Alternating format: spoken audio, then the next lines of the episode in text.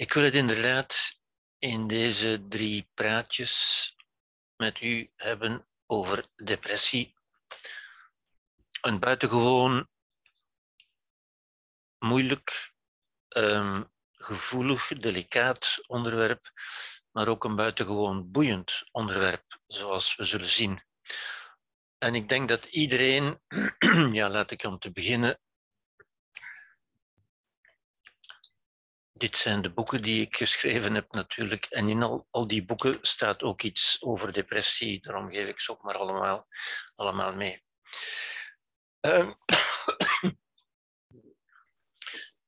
iedereen heeft wel iets te maken met depressie, denk ik. En depressie is ook zo'n beetje een, een sociale meme geworden, een sociaal cliché, uh, waar iedereen zich wel een beetje in herkent en wat ook door artsen heel makkelijk gezegd wordt dat er, als er problemen zijn, dat er wel iets van depressie zal aanwezig zijn. Ja.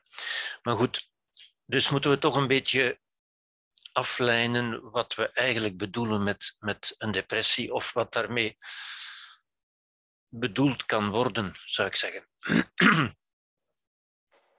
Om te beginnen, um, dit zijn de cijfers die u waarschijnlijk kent, het risico, het levenslange risico bij vrouwen gaat dat tot 1 op 4, 10 tot 25 procent. Bij mannen is dat de helft ongeveer, 5 tot 12 procent ongeveer. Ja.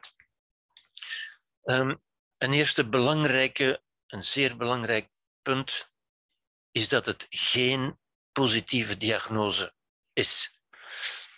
Wat wordt daarmee bedoeld? Dat geldt overigens voor de meeste psychiatrische aandoeningen, waartoe depressie gerekend wordt natuurlijk. Wat wordt daarmee bedoeld? Wel, dat het niet op een onomstootbare wijze positief kan aangetoond worden. Ja, u kunt niet bij uw arts een bloedmonster of een urinestaal binnenbrengen en laten onderzoeken of u al dan niet een depressie hebt. Ja. Men kan het niet pardon, men kan het niet objectief in het laboratorium vaststellen. Ja. Dus men moet zich een beetje behelpen. En behelp, men behelpt zich, zoals bekend waarschijnlijk, met de DSM, de befaamde DSM, de Bijbel van de psychiatrie.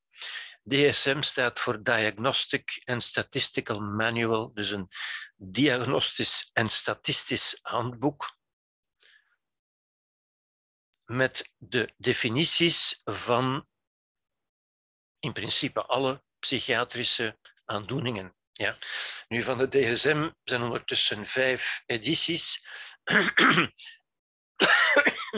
en het aantal diagnoses is in de diverse edities opgelopen van een honderdtal tot op dit ogenblik een vijfhonderdtal. Dus u ziet, daar zit heel wat evolutie in natuurlijk. En het probleem is, of de toestand is, dat het louter beschrijvende gedragsmatige criteria zijn, die dus niets zeggen over de aard, wat het eigenlijk is, over de mogelijke oorzaken of over de eventuele behandeling. En mensen vergissen zich daar vaak in. En daarom is het nodig van daar ook iets over te zeggen. Het zijn alleen maar beschrijvingen, criteria die aangeven wanneer men over een, wanneer men een bepaalde diagnose mag stellen, kan stellen. Ja?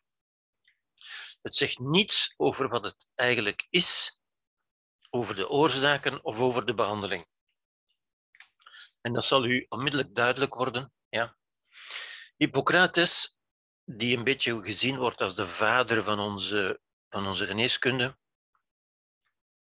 zoals Plato gezien wordt als de vader van de filosofie, is Hippocrates een beetje de vader van de geneeskunde, zei dat het ging om een ziekte die vooral voorkomt in de herfst en in de winter. En die gekenmerkt is door droefheid, nervositeit, morele neerslachtigheid, neiging tot zelfmoord, afkeer van eten, moedeloosheid, slapeloosheid, irritatie, rusteloosheid en vergezeld van aanhoudende angst. En u ziet hier al, geen van die kenmerken zijn objectief aan te tonen. Ja? Het zijn beoordelingen. Wat is droefheid? Ja, dat wat men droefheid noemt. Wat is nervositeit? Wat is neerslachtigheid? Dat zijn eigenlijk allemaal evaluaties. Uh, klinische oordelen noemt men dat dan. Maar dat we zeggen beoordelingen, ja. Vaak afgaand door wat de betrokkenen zelf zegt. Hoe weet je of iemand zich neerslachtig voelt? Wel, als die zegt dat hij zich neerslachtig voelt. Ja? En afkeer van eten, wat is dat? Moedeloosheid. U ziet het zeer vaag omschreven, absoluut geen objectieve, aantoonbare criteria. En eigenlijk gelden deze kenmerken tot op de dag van vandaag. Een beetje meer uitgewerkt, maar toch in essentie is dat niet veranderd. Ja? Zoals ik u dadelijk zal tonen. Volgens Hippocrates was het het gevolg van een verkeerd functioneren van het brein. En ook dat is iets wat we vandaag nog altijd geloven. En te behandelen met medicatie. En u ziet de essentiële kenmerken waren al aanwezig bij Hippocrates. Plato daarentegen, natuurlijk, Plato was een filosoof, die zei Depressie is een filosofisch probleem te behandelen met dialoog. Wat wij nu zouden zeggen te behandelen met, met therapie, met praattherapie. Niet met geneesmiddelen, maar met therapie. En, en u ziet, van in het begin is die tweespalt eigenlijk aanwezig geweest. Die, die, die dubbele benadering. Enerzijds een fysiologische, een biologische te behandelen met medicatie, anderzijds de filosofische te behandelen met dialoog. Ik kom daarop terug, maar u ziet, het was van in het begin eigenlijk niet duidelijk wat het juist is. Ja? Hippocrates gaf een, gaf een omschrijving. Hippocrates zei ook niet wat het eigenlijk was, maar hij gaf een omschrijving met gedragsmatige criteria. Ja? een lijst van kenmerken, wat de DSM nog altijd doet, zal u dadelijk ook geven. Ja? En hij dacht, hij was van mening, dat het te maken had met het functioneren van het brein, wat velen nu ook nog altijd denken. Plato zei, nee, het is een filosofisch probleem. Dat kunnen we zien als een existentieel probleem, een levensprobleem. Dat we zeggen, niet te maken met het functioneren van het brein, maar met onze benadering van het leven te behandelen met dialoog, dat we zeggen met gesprek, met therapie. Ja. Dat geldt overigens voor vele, om niet te zeggen de meeste, psychische of psychiatrische problemen. Ja. Dat maakt de psychologie en de psychiatrie ook tot zo'n moeilijk terrein, overigens. Ja. Zoals we nog zullen zien. Hoe wordt de diagnose gesteld? Wel, we beroepen ons niet meer op uh, Hippocrates, maar wel op de DSM. De DSM is het moderne handboek, de Bijbel, met de diagnostische criteria. en hoe wordt de diagnose gesteld? Wanneer mogen we een bepaalde toestand depressie noemen, met andere woorden? Ja? Wel, als een van de twee symptomen van de volgende lijst van negen, ik zal u die dadelijk geven. Dus het is een lijst van negen criteria. Dat noemen we dan symptomen tegenwoordig, maar dat zijn uiteindelijk criteria. Ja. Waarvan symptoom 1 of 2 moeten aanwezig zijn, plus tenminste vier van de symptomen 3 tot en met 9. Dus u ziet hoe, hoe arbitrair dat eigenlijk ook is, waarom vier en geen 3 of geen 5, wel ja, het is 4. Ja, ja. Dus u ziet ook weer niet zo objectief. Hè. Het is bij afspraak, waarom zeggen we 4 en niet 5? Ja, we hebben dat zo afgesproken. Ja, daar is geen objectieve reden voor. Onafgebroken gedurende tenminste twee weken. Hè. Waarom twee weken? Waarom geen drie weken? Ja, kijk, omdat we het zo hebben afgesproken. Ja. Op een manier die afwijkt van normaal functioneren. En nu moeten we een beetje moeite doen om, om ernstig te blijven natuurlijk, want wat betekent afwijken van normaal functioneren? Wat, om te beginnen, wat is normaal functioneren? En wanneer is dat voldoende afwijkend om, ja, u hoort het al natuurlijk. En die oorzaak is van significant lijden of een beperking van het functioneren. Zelfde opmerking natuurlijk. Hè. Wat is significant lijden? Wanneer is lijden significant? En wanneer beperkt dat het functioneren? U ziet uitermate subjectief. Dat wil niet zeggen totaal zinloos, maar wel zeer subjectief. Ja? In ieder geval niet objectief aan te tonen. Significant lijden kunt u niet in het laboratorium vaststellen. Ja? Normaal functioneren evenmin. Ik hoop dat u dat ook begrijpt. Ja? En die niet het gevolg is van de effecten van een geneesmiddel bijvoorbeeld, of van een drug dat u genomen hebt, of van een lichamelijke, een somatische dus, een lichamelijke aandoening. Dus die niet op een andere manier verklaard kan worden. Als het gevolg is van een middel dat u genomen hebt, is dat iets anders natuurlijk, of van een bijwerking van een geneesmiddel. Ja. Goed, wat zijn die criteria? Dus bedenk, het is symptoom 1 of 2 van die lijst van 9, plus tenminste 4 van de symptomen 3 tot en met 9. Wat, zijn, wat is die lijst? wat zijn dus de criteria volgens de DSM? Ja? Wel, er is om te beginnen depressieve stemming gedurende vrijwel de gehele dag, bijna elke dag. Dus een depressie wordt, ge, wordt gekenmerkt door een depressieve stemming. Ja? Dat had u misschien zelf ook wel kunnen bedenken, maar goed, zo staat het in de DSM. Ja? Wat is een depressieve stemming? Dat, dat wordt eigenlijk niet nader. Ja? Vrijwel de gehele dag, bijna elke dag. U, u ziet het weer. Ja? Duidelijke vermindering van interesse voor of plezier in alle of bijna alle activiteiten gedurende vrijwel de gehele dag, bijna elke dag. Het is woordelijk wat in de DSM staat. Hè? Duidelijke vermindering, hè? wat is dat? Ja, ik moet het niet altijd herhalen. U ziet het, buitengewoon subjectief. Ja. Onopzettelijk, ongewild dus, duidelijke gewichtsverlies of gewichtstoename, of een afname of een toename van de eetlust. Dus eigenlijk gelijk wat er gebeurt met uw eetlust of met uw gewicht, is een van de, van de criteria, van de symptomen dus, van een depressie. Of u nu gewicht bijkomt of gewicht verliest. Ja. Slaapklachten, insomnia, niet of niet voldoende kunnen slapen, of hypersomnia, te veel moeten slapen, bijna elke dag. Ja.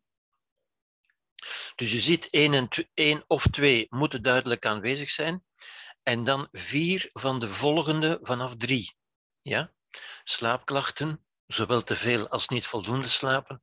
Psychomotorische agitatie, dat we zeggen gejaagdheid, nervositeit.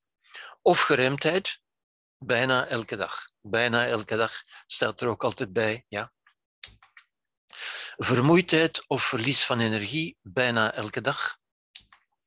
Gevoelens van waardeloosheid of buitensporige of inadequate, dat we zeggen onterechte schuldgevoelens.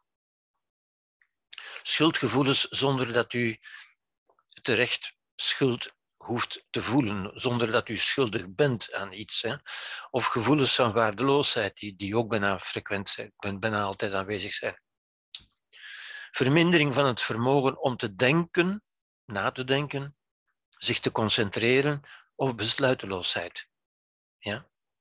En tenslotte, gevoelens van wanhoop, terugkerende gedachten van suïcide, zelfdoding, fantasieën over suïcide zonder specifieke plannen, een suïcidepoging of een specifiek plan om suïcide uit te voeren. Niet alleen maar de vrees om dood te gaan, niet alleen maar die vrees, hè, maar werkelijk uh, een, een plan of het idee om het uit te voeren. Dus je ziet, één of twee moeten aanwezig zijn. Depressieve stemming, nu, dat is bijna identiek. Één en twee zijn bijna identiek. Depressieve stemming, wat is dat? Wel, dat is duidelijke vermindering van interesse voor of plezier in en, en zo verder. Hè. Een vermindering van de zin om te leven, met andere woorden. Hè. Een, een daling van de levenslust, zeg maar. En dan vier van de volgende, uh, van drie tot negen van de volgende symptomen. Ja. Dus u ziet, hoe ik het ook, dit is de tekst van de DSM zelf. En u ziet hoe vaag dat eigenlijk is. Ik ben zeker dat velen onder u die, die hier nu zijn, als u dat leest, dan, dan hebt u bijna onweerstaanbaar de neiging van te gaan zeggen, ja, maar ik heb dat ook. Ja. Iedereen herkent zich daar wel een beetje in, zou ik zeggen. Ja. En dat geldt overigens voor vele psychiatrische en psychologische diagnoses. Omdat die nooit objectief, laboratoriumgewijs zou ik zeggen, vast te stellen zijn. Vandaar ook dat mensen door verschillende beoefenaars, psychiaters zeg maar, verschillend kunnen beoordeeld worden. Dat de ene zegt het is wel depressie, de andere zegt het is dat niet. Ja? Met alle gevolgen van dien, natuurlijk. Ja. Goed, dat is een eerste punt. wat geldt, wat kunnen we dan zeggen over de behandeling? En ik beschrijf eerst de meest voorkomende, de meest voor de hand liggende behandeling in feite. Of het meest voor de hand liggende verhaal, zou ik zeggen. Ja? De meest voor de hand liggende um, benadering. Althans in de laatste, laatste decennia. U herinnert zich dat uh, Hippocrates zei dat het een ziekte was. Ja? Wel, de medische wereld heeft dat dan ook tot zich genomen en is dat gaan onderzoeken. Ja?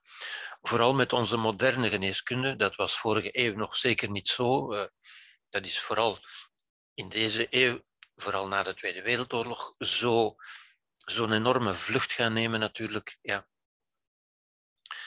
En het meest voorkomende verhaal nu, wat zodanig succesverhaal is geworden, dat bijna iedereen het kent, is het verhaal wat men um, in de wetenschappelijke benaming de monoamino-hypothese is gaan noemen. Dat we zeggen, de hypothese dat depressie het gevolg was van een overdracht in de neurotransmitters. Iedereen kent dat woord, niet iedereen weet zo goed waar het over gaat. Het is in het hersenstelsel zo, in het brein is het zo, dat zenuwen, zenuwcellen, met elkaar communiceren op een chemische manier. Dat we zeggen, die zijn niet in fysisch contact met elkaar. En u ziet hier de uitloper, zoals men dat noemt, de, de eindknop van een neuron, van een hersencel dus, van een breincel. En dit is de wand van de volgende, die hieronder ligt dus. Ja? En u ziet, die communicatie is niet doorlopend. Er is een onderbreking. Wat men, dus dit geheel, dit contactsysteem noemt men een synaps. En deze, deze kloof, en dat is een, een echte kloof, ja, een echte onderbreking, noemt men dan ook de synaptische kloof of de synaptische spleet, de synaptic gap in het Engels. En dus die twee en dat geldt voor alle neuronen, voor alle hersencellen, voor alle breincellen dus. Ja? Die staan niet met elkaar in fysiek contact. Ja? Hoe verloopt het contact dus? Wel, als dit neuron gestimuleerd is, geprikkeld wordt, geactiveerd is, met andere woorden, dan openen zich aan de uiterste rand van dat uh, neuron, openen zich blaasjes die u hier ziet, die ruimtes, ja, die, dat opent zich. Dat geeft chemische stoffen af. Die chemische stoffen zijn een boodschap. Dat is de boodschap eigenlijk. Dat is een chemische boodschap. Men noemt die stoffen dan ook boodschapperstoffen in het Nederlands. Neurotransmitters in het, in het Engels. Ja. De stoffen die de transmissie ver, uh, verzorgen tussen de neuronen, de neurotransmitters. En die stoffen worden dus afgegeven door het voorgaande, het presynaptische, zoals dat heet, het presynaptische neuron, en gaan dan doorheen die spleet migreren en daar zich hechten aan andere moleculen die men de receptormoleculen noemt. En door die aanhechting gaat het volgende neuron geprikkeld worden. En dus de prikkel, de, de echte boodschap want dus neuronen, prikkels van neuronen zijn boodschappen eigenlijk. En neuronen dienen om boodschappen, om informatie door te geven. Die informatieprikkel leidt tot de afgifte van een informatiestof, een boodschapperstof, die het volgende neuron prikkelt en op die manier wordt die boodschap doorgegeven. Dus in het neuron zelf gebeurt die transmissie, die overdracht elektrisch door een potentiaalverschil tussen de neuronen gebeurt die op een neurotransmitterwijze, chemisch dus, met andere woorden. Nu, al die neurotransmitters zijn chemisch gezien monoamines. Ja? Vandaar dat men dat ook noemt de monoamino-hypothese. De hypothese is dat die ziekte, die vermeende ziekte, depressie dus, iets te maken heeft met een onvoldoende of een niet goed functionerende transmissie tussen de neuronen. Met andere woorden, een probleem van de neurotransmitters. En de belangrijkste neurotransmitters, die, die kent men tegenwoordig. In de geneeskunde kent men er veel, maar iedereen kent tegenwoordig de, de vier belangrijkste uh, adrenaline, noradrenaline, serotonine natuurlijk, dopamine en endorfinen, wat, wat nog iets anders is eigenlijk. Ja? Goed. Men, men had dus het idee, en men is het ook gaan onderzoeken, ja, dat mensen met een diagnose van depressie, hoe vaag die ook is, maar goed, dat men bij mensen met een, met een um, met een diagnose van depressie, die men, die men als depressief kan kwalificeren, dat men daar een vermindering of een, of een afwijking kon vaststellen van de neurotransmitters. vooral, maar niet alleen, maar vooral van serotonine. Ja. En dat leidde tot deze mooie plaatjes. Dat heeft geleid tot geweldig onderzoek natuurlijk.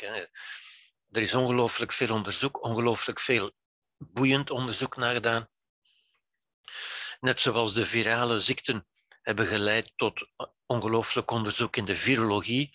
Virale ziekten zoals AIDS bijvoorbeeld en zoals corona nu hebben een ongelooflijke boost gegeven aan het, uh, aan het onderzoek. Zo heeft depressie en ook angst ja, aanleiding gegeven tot een enorme boost in het onderzoek van neurotransmissie, van de werking van het brein, met andere woorden. En de werking van het brein is dus elektrisch en chemisch. Ja? En vooral dat chemische is belangrijk gebleken of interessant gebleken, omdat als dat waar is, dan kunnen we natuurlijk geneesmiddelen bedenken, en dat is dan ook volop gebeurd, ja? die gaan inwerken op die neurotransmitters. Geneesmiddelen die ofwel de afgifte van neurotransmitter bevorderen, ofwel beletten dat die zich gaan hechten op, de volgende, op het volgende neuron, ja? of dat ze zich juist meer gaan hechten, of geneesmiddelen die de plaats gaan innemen van die neurotransmitters, die op hun beurt het volgende neuron gaan stimuleren. En u ziet een hele panoplie, een hele reeks van mogelijke ingrepen die we konden doen met met, die, met, met chemische middelen. Ja, we kunnen ook enzymen toedienen, anticholinesterase staan hier bijvoorbeeld, waardoor we op, op allerlei manieren kunnen ingrepen. En dat opende een ongelooflijk boeiend veld van, van onderzoek. En van mooie plaatjes ook. En deze plaatjes zijn bijna in alle media verschijnen en zijn vooral natuurlijk ook door de farmaceutische bedrijven in, in, in prachtige uitvoeringen. Ja, u, u ziet er hier, het komt eigenlijk altijd op hetzelfde neer natuurlijk. Hè. U ziet ook hier, u ziet ook hier het, het, het eindneuron, ja, het volgende neuron en die neurotransmissie. Daar ging het altijd over. Ja. Ook hier ziet u dat natuurlijk. Ja. En men was dus echt van mening, hier ziet u het nog eens, ja. dat is natuurlijk ook beland op alle bureaus van alle artsen, waar alle artsenbezoekers dat uh, gedeponeerd hebben. En iedereen raakte eigenlijk zeer enthousiast, zou ik bijna zeggen, ongelooflijk enthousiast, want men had de ziekte eigenlijk te pakken. Men had, ze, men had bijna een foto van de ziekte hier. Fantastisch, fantastische inzichten in feite. Ja.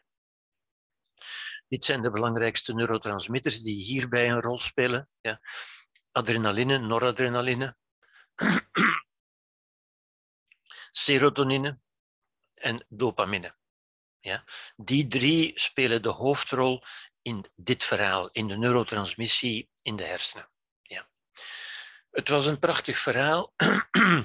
er zijn een aantal bedenkingen bij te maken natuurlijk. Helaas, jammer genoeg, ja, het zou zo mooi geweest zijn als het waar was. Maar een eerste punt, en dat is, dat is al een zeer ernstig punt natuurlijk, is dat men zich, ja, dat zal later ook duidelijk worden. Ik zeg niet dat, het, dat wat men hier zegt niet waar is, ja. maar het is niet duidelijk, men heeft niet duidelijk kunnen aantonen dat dit ook de oorzaak is. Ja? En een manier om dat te zeggen is van te zeggen dat correlatie is geen causaliteit. Dat is een beetje het, het filosofische argument, zou je kunnen zeggen. Ja? Het is niet omdat iets gebeurt terwijl iets anders ook gebeurt gelijktijdig, dat het er de oorzaak van is. Hè.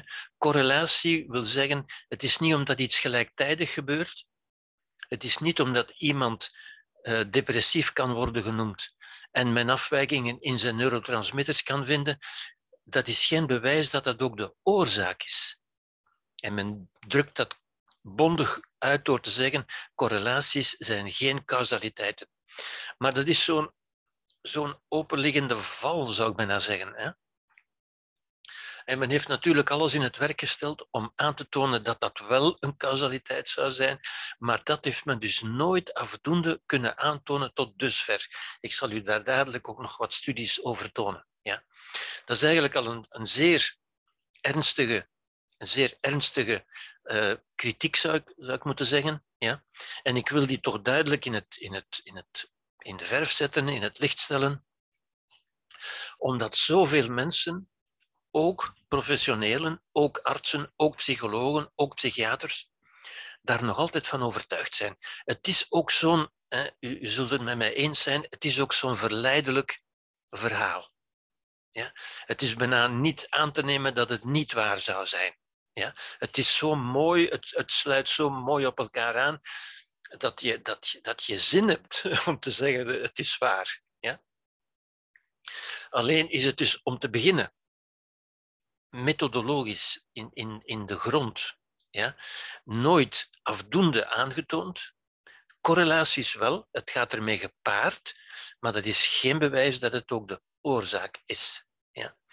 Maar ook, dat werpt natuurlijk een, een enorme schaduw, want als dat geen causaliteit is, ja, dan werpt dat ook een enorme schaduw, dan, dan neemt dat ook de, de wetenschappelijke basis weg voor al die, die, die enorme reeks geneesmiddelen die bedacht zijn, die antidepressiva, waar de farmaceutische bedrijven natuurlijk enorm in geïnvesteerd hebben, ja, die met, met veel poeha zijn aangekondigd als de oplossing voor de ziekte. Ja.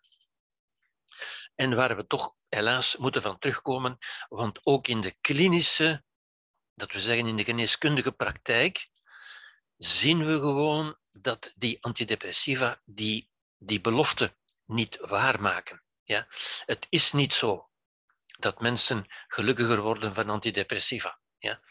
Het doet wel iets, antidepressiva zijn, zijn krachtige middelen, ze doen ook wel iets, maar ze maken niet dat mensen van hun depressie verlost zijn.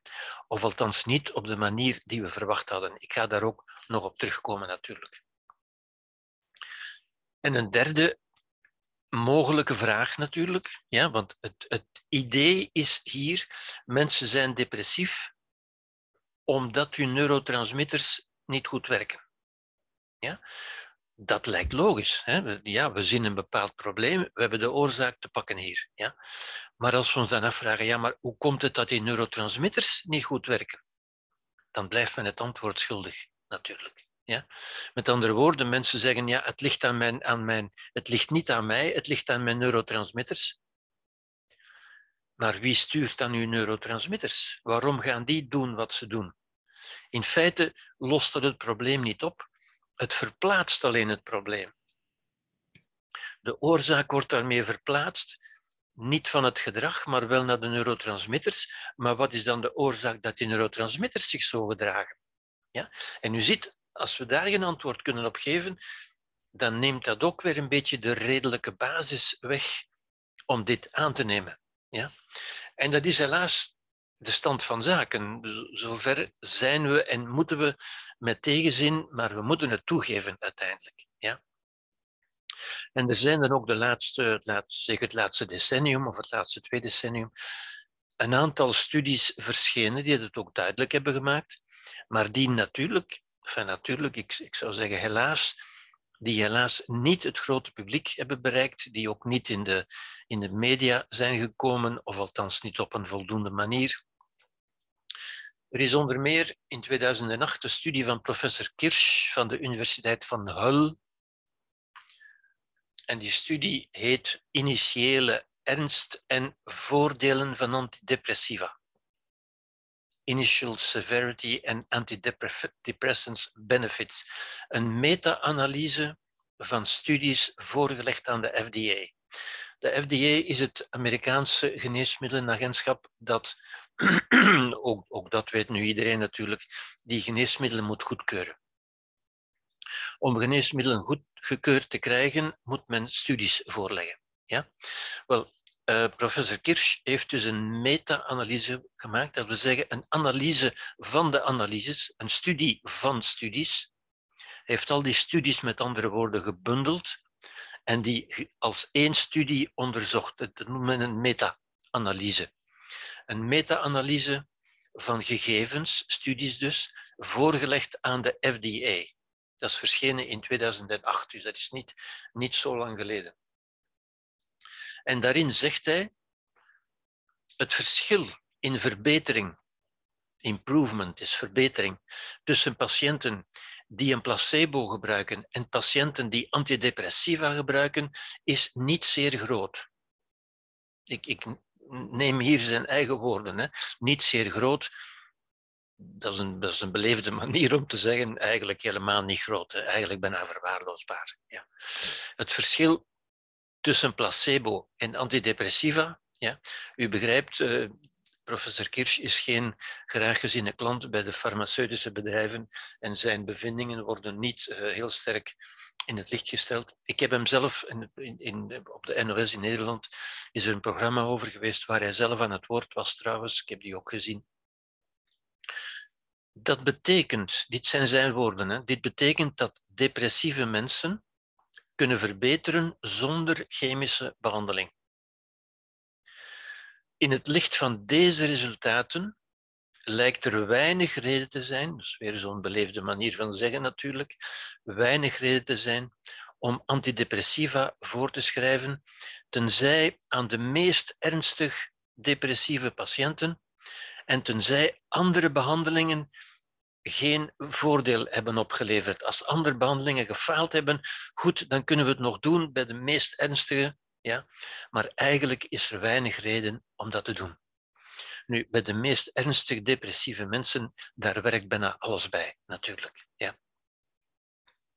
Deze studie, dat zijn opnieuw zijn woorden, deze studie doet ernstige vragen reizen over de noodzaak van het goedkeuren van geneesmiddelen en over de manier waarop geneesmiddelen studies worden gemeld. Ja? Want hier moet ik natuurlijk bij zeggen, dat was in 2008. En u begrijpt natuurlijk, hè, ja, hoe zou u zelf zijn? Uh, farmaceutische bedrijven voeren studies uit om hun geneesmiddelen, om, om aan te tonen dat hun geneesmiddelen werken. Ja? Maar natuurlijk, u begrijpt, de studies die men gaat voorleggen aan de FDA zijn niet de studies waaruit blijkt dat ze niet werken. Ze selecteren natuurlijk de studies waaruit blijken dat ze wel werken. En wel werken, dat kan zijn een heel klein voordeeltje. Ja? Dus de studies die werden voorgelegd waren, was een selectie van de studies. Ja? Ondertussen is er mede door dit onderzoek is er een nieuwe wetgeving gekomen in de Verenigde Staten die, die bepaalt, dat is ook hier het geval trouwens, die bepaalt dat als um, farmaceutische bedrijven studies uitvoeren, dat ze al hun studies moeten melden en dat ze ook moeten vermelden wat ze ervan verwachten. Dus ze kunnen, ze kunnen niet meer, zoals hier nog wel kon, selectief zijn en de, en de goede studies uh, indienen en de andere wegmoffelen. ze moeten vooraf aankondigen dat ze een studie gaan doen en aankondigen wat ze ervan verwachten. En de resultaten in hun totaliteit meedelen. Um, Dick Swaap in zijn bekende boek Wij zijn ons brein.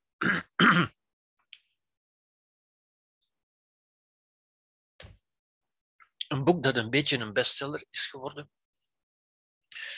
Dick Swaap is neuroloog. is dus een, een, een, zeer bekwaam deskundige ter zake, ja?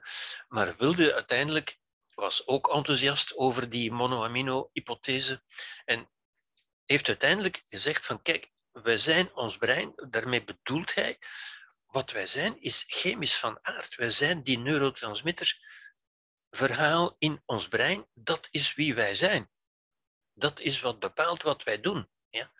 En dat lijkt weer zo logisch natuurlijk. Hè? Behalve dat hij toch op pagina 370, ik heb het erbij gezet, heeft moeten toegeven, met tegenzin, natuurlijk, ja. Depressieve patiënten die werden behandeld met een placebo, waren na zes weken in dezelfde mate vooruitgegaan als de patiënten die het echte antidepressivum kregen. Ja.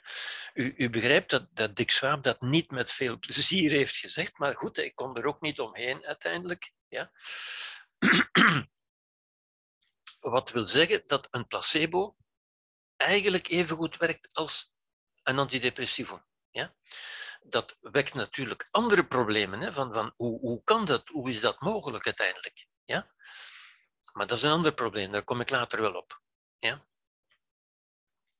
Hersenscans lieten zien, de tekst van, deze tekst van Dick Swaap, dat er een grote overeenkomst was in de activiteitsveranderingen van hersengebieden tussen de groep die een placebo kreeg en de groep die het echte antidepressivum ontving. Dus de activiteitsveranderingen, dat we zeggen de, flux, de stroming van hersenprikkels en van neurotransmitters en zo verder, wat men tegenwoordig prachtig in beeld kan brengen natuurlijk, in die fameuze hersenscans, ja, lieten zien dat er een grote overeenkomst, hè, dat is weer zo'n manier om, om te zeggen bijna identiek, ja, in, de hers, in de activiteitsveranderingen van de hersengebieden tussen de groep die een placebo kreeg en de groep die het echte antidepressivum ontving. Ja? Nu, die tekst, het, het, zijn maar een paar regeltjes in, in dat hele boek. Het staat op pagina 370. Als u het wil nakijken, het boek uit 2010 al de rest van het boek, het staat er maar heel eventjes in, maar het staat er wel in natuurlijk, op een, niet, op een onmiskenbare manier in feite. Ja? Oké, een andere studie uit februari 2010 ook. Ja, het is in die tijd dat die studies, Kirsch was in 2008, dit is 2010. SSRI. SSRI is de nieuwste klasse van antidepressiva.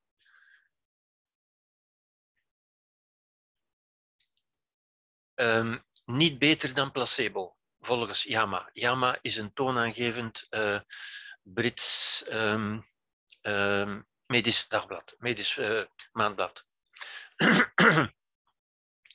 SSRI's zijn Selective Serotonin Reuptake Inhibitants. Dus dat is weer een middel dat aangrijpt, ik ga nu niet in de detail gaan, uh, op dat neurotransmitter gebeuren natuurlijk. Hè.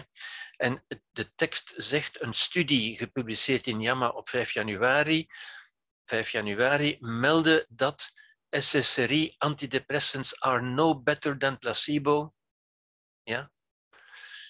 Better than placebo for severe depression, zelfs voor ernstige depressie. Ja? Voor ernstige depressie zijn ze iets beter dan placebo, maar voor alle anderen zijn ze niet beter. Is placebo eigenlijk even goed. Ja? En voor ernstige depressie kunnen we zeggen dat virtually any psychostimulant, any, can be found useful for the most severely depressed patient. Voor de meest ernstige depressiepatiënten zal alles wat je doet eigenlijk een gunstig effect hebben. Inclusief zou ik bijna zeggen een warm bad. Ja. Dit is nog een andere studie uit 2015, dus dat is al niet meer zo oud, dat is eigenlijk zeer recent natuurlijk. Ja. Waarin staat dat SSRI's were a treatment looking for a condition. Dat wil zeggen, in, in de farmaceutische industrie is het vaak zo dat men een interessante stof vindt die interessante effecten heeft, of, of althans die effecten heeft.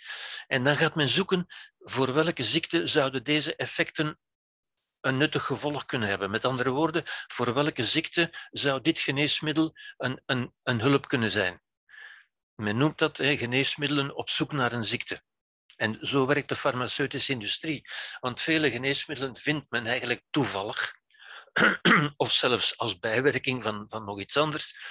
Men vindt iets toevallig en dan gaat men zoeken, zou dat ergens gebruikt kunnen worden. In welke ziekte kunnen we dat gebruiken? Wel, nu, de auteur hier zegt dat SSRI's a treatment looking for a condition, een behandeling op zoek naar een ziekte waren. Men ging dus zoeken waar men dat zou. Dat is op zich niet verkeerd. Dat is, dat is op zich geen probleem. Dat is een normale praktijk. en dat is ook helemaal geen probleem uiteindelijk. Ja? Maar zegt wel dat artsen en patiënten um, ingeschakeld werden, in de, in de mythe meegenomen werden door clever marketing, door, door slim marketering, slimme marketing uiteindelijk. Ja? Dit, is, um, ja, dit is de vertaling van dat artikel staat hetzelfde hier eigenlijk in. Dus in, het Engels, in het Engels zegt men low, dus lage serotonine en depressie, de link tussen lage serotonine en depressie, is dat geen mythe met een vraagteken? Ja. Het Nederlands zegt zonder meer het verband tussen serotonine en depressie is een mythe. En dan staat er hetzelfde in natuurlijk, hè. De, de marketing van een mythe. De marketing van een mythe. Dus de monoamino-hypothese, die hier nog eens een keer voorgesteld staat natuurlijk, hè, wordt hier zonder meer een mythe genoemd. Ja? Althans voor de behandeling. En er is geen bewijs dat de behandeling ook maar iets corrigeert. Ik toon u die studies natuurlijk om een beetje uh, om u een beetje afstand te doen nemen, om u een beetje in, perspectief te plaatsen hoe het eigenlijk in zijn werk is gegaan. Dit is nog een andere studie die meer bepaald ging over de selectieve publicatie, wat ik daarnet ook zei, de selectieve publicatie van antidepressiva studies en hun invloed op ogenschijnlijke werkzaamheid. Dit is de New England Journal of Medicine, een van de groot uh, bekende medische bladen uit 2007. En het gaat over de selectieve publicatie, wat ik daarnet ook zei. Het feit dat farmaceutische bedrijven hun gunstige studies publiceerden en de niet gunstige niet publiceerden natuurlijk. Ja. Hier wordt gesteld, de farmaceutische industrie heeft de medische wereld, de medische wereld, de artsen dus, bewust misleid en heeft doen geloven dat antidepressiva werken. Bijna alle studies die een gunstig resultaat toonden, werden gepubliceerd, tegen bijna geen van de studies met een ongunstig resultaat. Want, zeggen ze, bovendien tonen positieve studies maar weinig voordeel. 40% van de personen werd beter met een placebo en 60% met een antidepressivum, dat is dus heel weinig. Ja. Toch horen antidepressiva tot de meest verkochte geneesmiddelen. Dit is, zijn gegevens uit ons land, het RISIF in 2009.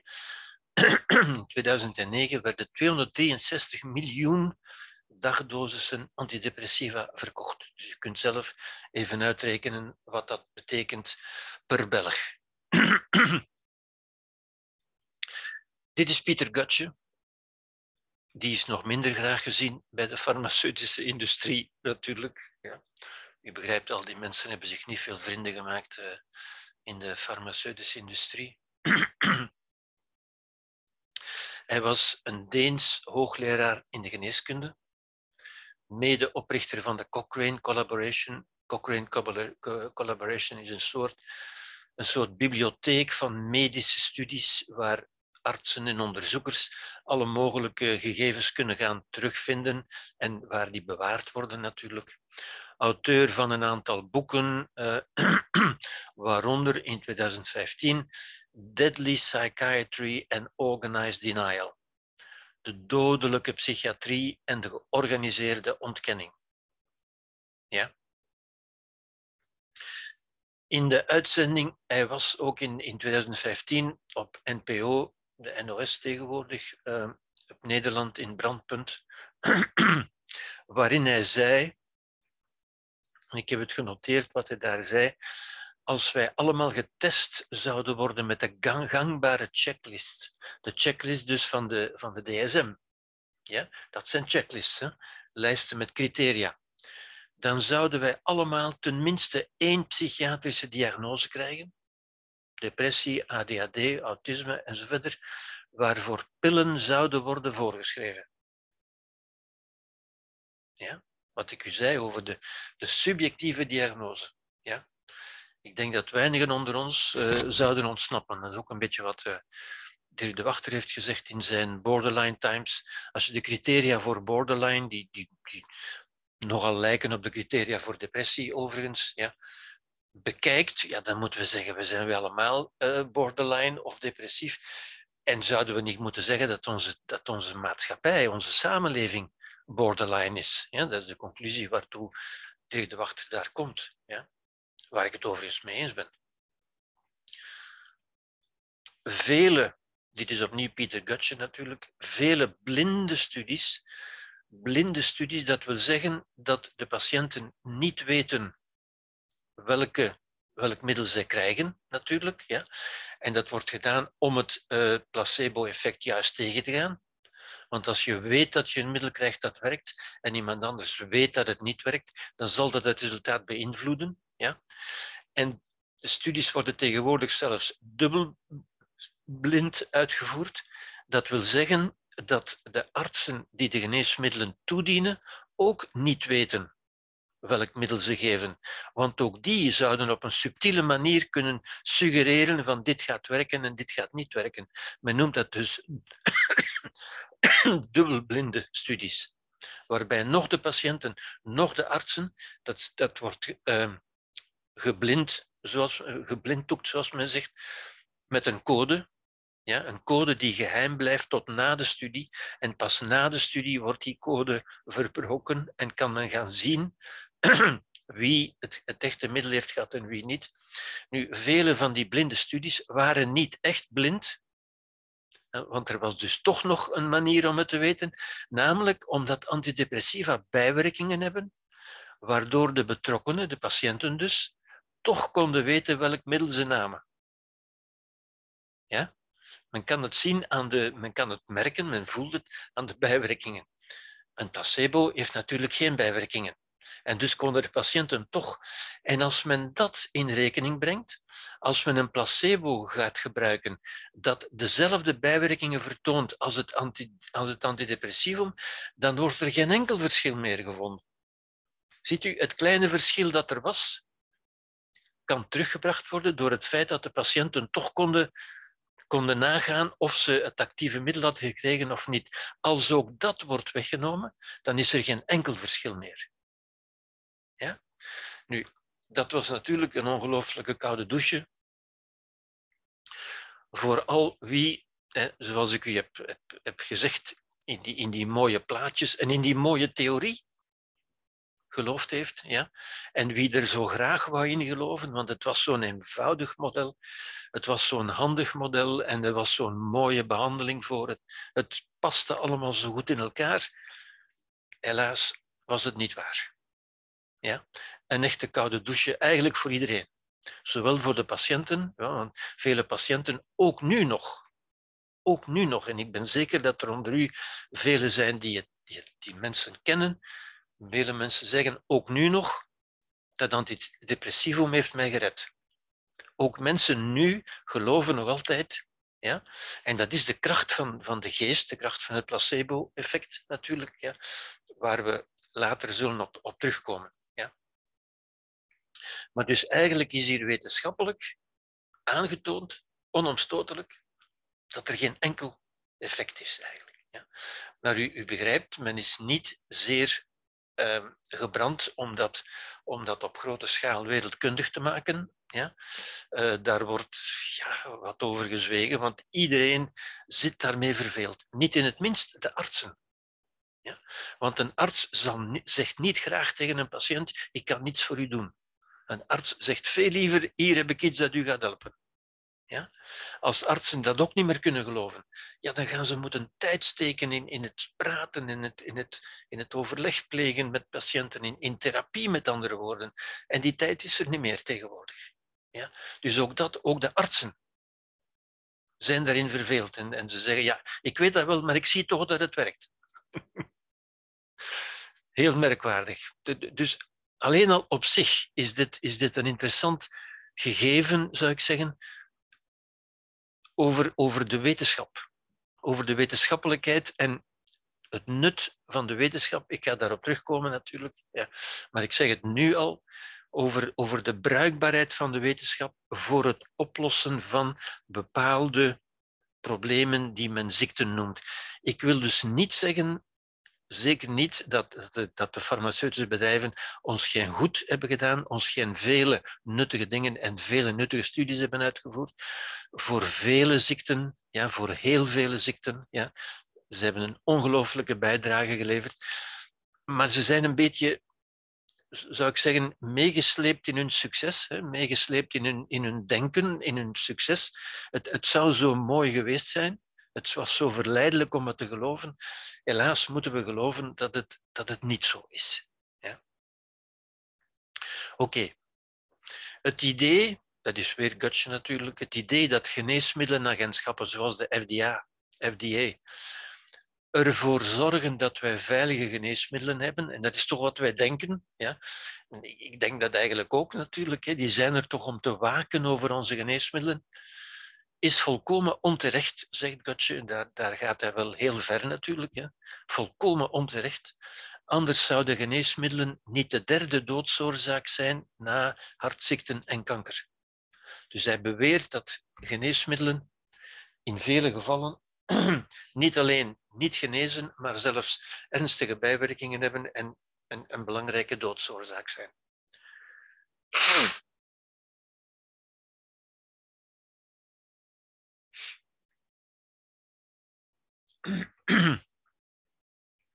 Vele artsen zijn naïef. je weer. Zij overschatten de gunstige effecten en onderschatten de schadelijke effecten. Ik, ik ben geneigd dat te geloven, inderdaad. Hè. Het, het, is zo verleidelijk van de gunstige effecten te, te overschatten. Uit interne bedrijfsdocumenten die opgevraagd zijn, mede onder invloed van de wijziging van de wet na publicatie van een en ander van deze studies natuurlijk is de wetgeving veranderd en is men gaan, heeft men de farmaceutische bedrijven verplicht van al hun gegevens openbaar te maken, of althans mededelen, ja, uit interne bedrijfsdocumenten van de farmaceutische industrie zelf dus, hè, blijkt dat de farmaceutische industrie fraudeert met studies en artsen manipuleert, dat is duidelijk het geval, om hun miljarden winsten te behouden. Ja? Nou, dat frauderen is natuurlijk vooral dat ze bepaalde studies wel en andere studies niet, maar ook wel fraude, fraude op grotere schaal. Dat, het gebeurt inderdaad. En ik denk, uh, ja, we moeten helaas vaststellen dat waar mensen zijn, zij als mensen zullen handelen, natuurlijk, met menselijke gebreken en tekortkomingen. Hun marketingpraktijken zijn buitengewoon schadelijk voor onze gezondheid en zijn vergelijkbaar met die van de tabaksindustrie en van de maffia. U ziet, Pieter Gutje gaat er niet met de zachte borstel doorheen. De farmaceutische industrie heeft alles in handen. Dit zou publiek moeten worden. Met publiek bedoelt hij natuurlijk openbaar. Dit zou, dit zou door de regering moeten gedaan worden onder controle van het parlement. Ja. Natuurlijk is het parlement ook geen onfeilbare garantie, maar, goed, het, zou moeten ontrokken worden aan het privé-initiatief, zegt Gutschen hier. Ik ben het daar natuurlijk mee eens, maar goed, dat is een ander, een ander debat daar gaan we het nu niet verder over hebben.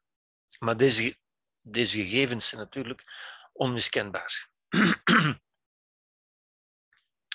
Is dat nu goed nieuws of is dat slecht nieuws?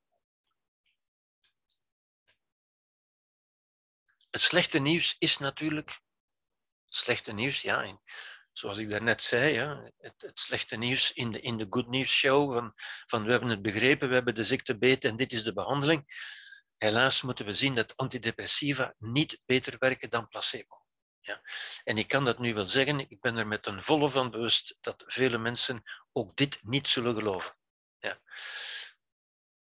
Vele mensen zullen zeggen, ik weet uit ervaring, en vele artsen zullen dat ook zeggen, ja, uh, die ervaring is helaas een placebo-ervaring, zou ik zeggen. Ja. Het goede nieuws is placebo's werken meestal even goed als antidepressiva.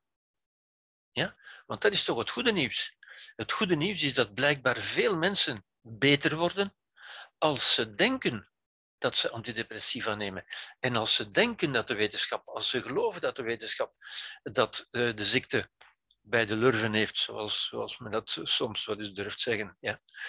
En dat placebo-effect, ja, dat is nu ook bijzonder boeiend, maar ik ga daar nu ook niet verder op in, want dat leidt ons te ver af natuurlijk, is um, de laatste jaren gelukkig meer onderzocht en is ook aangetoond, ook aangetoond voor ziekten die men somatisch noemt, met name bijvoorbeeld voor Parkinson.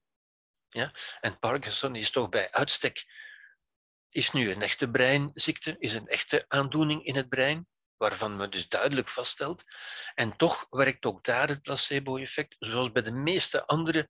Het placebo-effect is eigenlijk bijna altijd aanwezig in de geneeskunde. Ja? En wordt meestal wordt door de wetenschap natuurlijk als een, als een soort parasitair effect gezien, omdat dat het moeilijk maakt om het wetenschappelijke effect te beoordelen. Maar eigenlijk is dat ook juist het goede effect. Dat is ook het effect waar vele alternatieve geneeswijzen en waar vele traditionele geneeswijzen ja, um, op berusten. Ja? Vele traditionele, maar die het merkwaardige is dat ook die, ook de, ook de alternatieven, proberen zich toch wetenschappelijk te funderen en zeggen nee, nee, het is geen placebo hoor, het is wetenschappelijk aangetoond. Alhoewel men dat vaak gewoon niet kan wetenschappelijk aantonen. Ja? Maar u ziet, het is een, een terrein vol valkuilen en, en, en mijnen. Het is een mijnenveld eigenlijk. Nu, het placebo-effect is dus geen inbeelding. Het is niet ingebeeld. Het is een echt effect. Ja? En nogmaals, Dick Swaap, in ons brein, de volgende pagina. Heel grappig, hè? maar ja, zegt hij, het placebo-effect is het onbewuste zelfhelende vermogen van de hersenen. Dus zelfs Dick Swaap erkent het bestaan ervan. Ja? Niet dat we het kunnen begrijpen, want het, het is een beetje, ja, het, het vormt een beetje een, een overbrugging van de, wat ik vaak de Cartesiaanse kloof noem, voor, mensen die begrijpen wat ik daarmee bedoel, de, de kloof tussen lichaam en geest, in zekere zin. Hè. Hoe, hoe kan het, die, die onopgelost is, ja, hoe kan het dat iets wat in de geest gebeurt, een effect heeft op iets wat in het lichaam gebeurt? Logisch gezien kan dat niet. Een immateriële geest kan geen, kan geen materiële effecten hebben. Ja? Dus daar zijn we absoluut niet uit. We begrijpen het ook allerminst. We stellen alleen vast dat het werkt. Ja? En dat is in tegendeel juist iets, dat, dat zou je kunnen zeggen, is het goede nieuws uit die studies. En dat is iets waar we zouden kunnen meer op inzetten. In het vervolg zal dat ook blijken natuurlijk. Voltaire, 18e eeuw, zei al, geneeskunde bestaat eruit de patiënt te amuseren terwijl de natuur de ziekte geneest. En eigenlijk legde hij daarmee al de vinger op het probleem uiteindelijk. Ja? Het probleem of, of, de uitdaging of het mysterie uiteindelijk. Hè? Het mysterie van, van de Cartesiaanse kloof. Want we zeggen wel makkelijk van ja, dat is de invloed van de geest op het lichaam. We kunnen dat makkelijk zeggen, maar niemand begrijpt die invloed. We kunnen die niet verklaren. Ja? Dat is het, het fameuze dualisme van, van Descartes, waar we niet onderuit kunnen, want het is een ervaring dat ons lichaam materieel is, terwijl onze geest spiritueel is, geestelijk wil dus zeggen. Ja? En toch kunnen we met onze geest iets doen in ons lichaam. Een ongelooflijk wetenschappelijk totaal niet opgelost, zeker niet en ook niet begrepen probleem.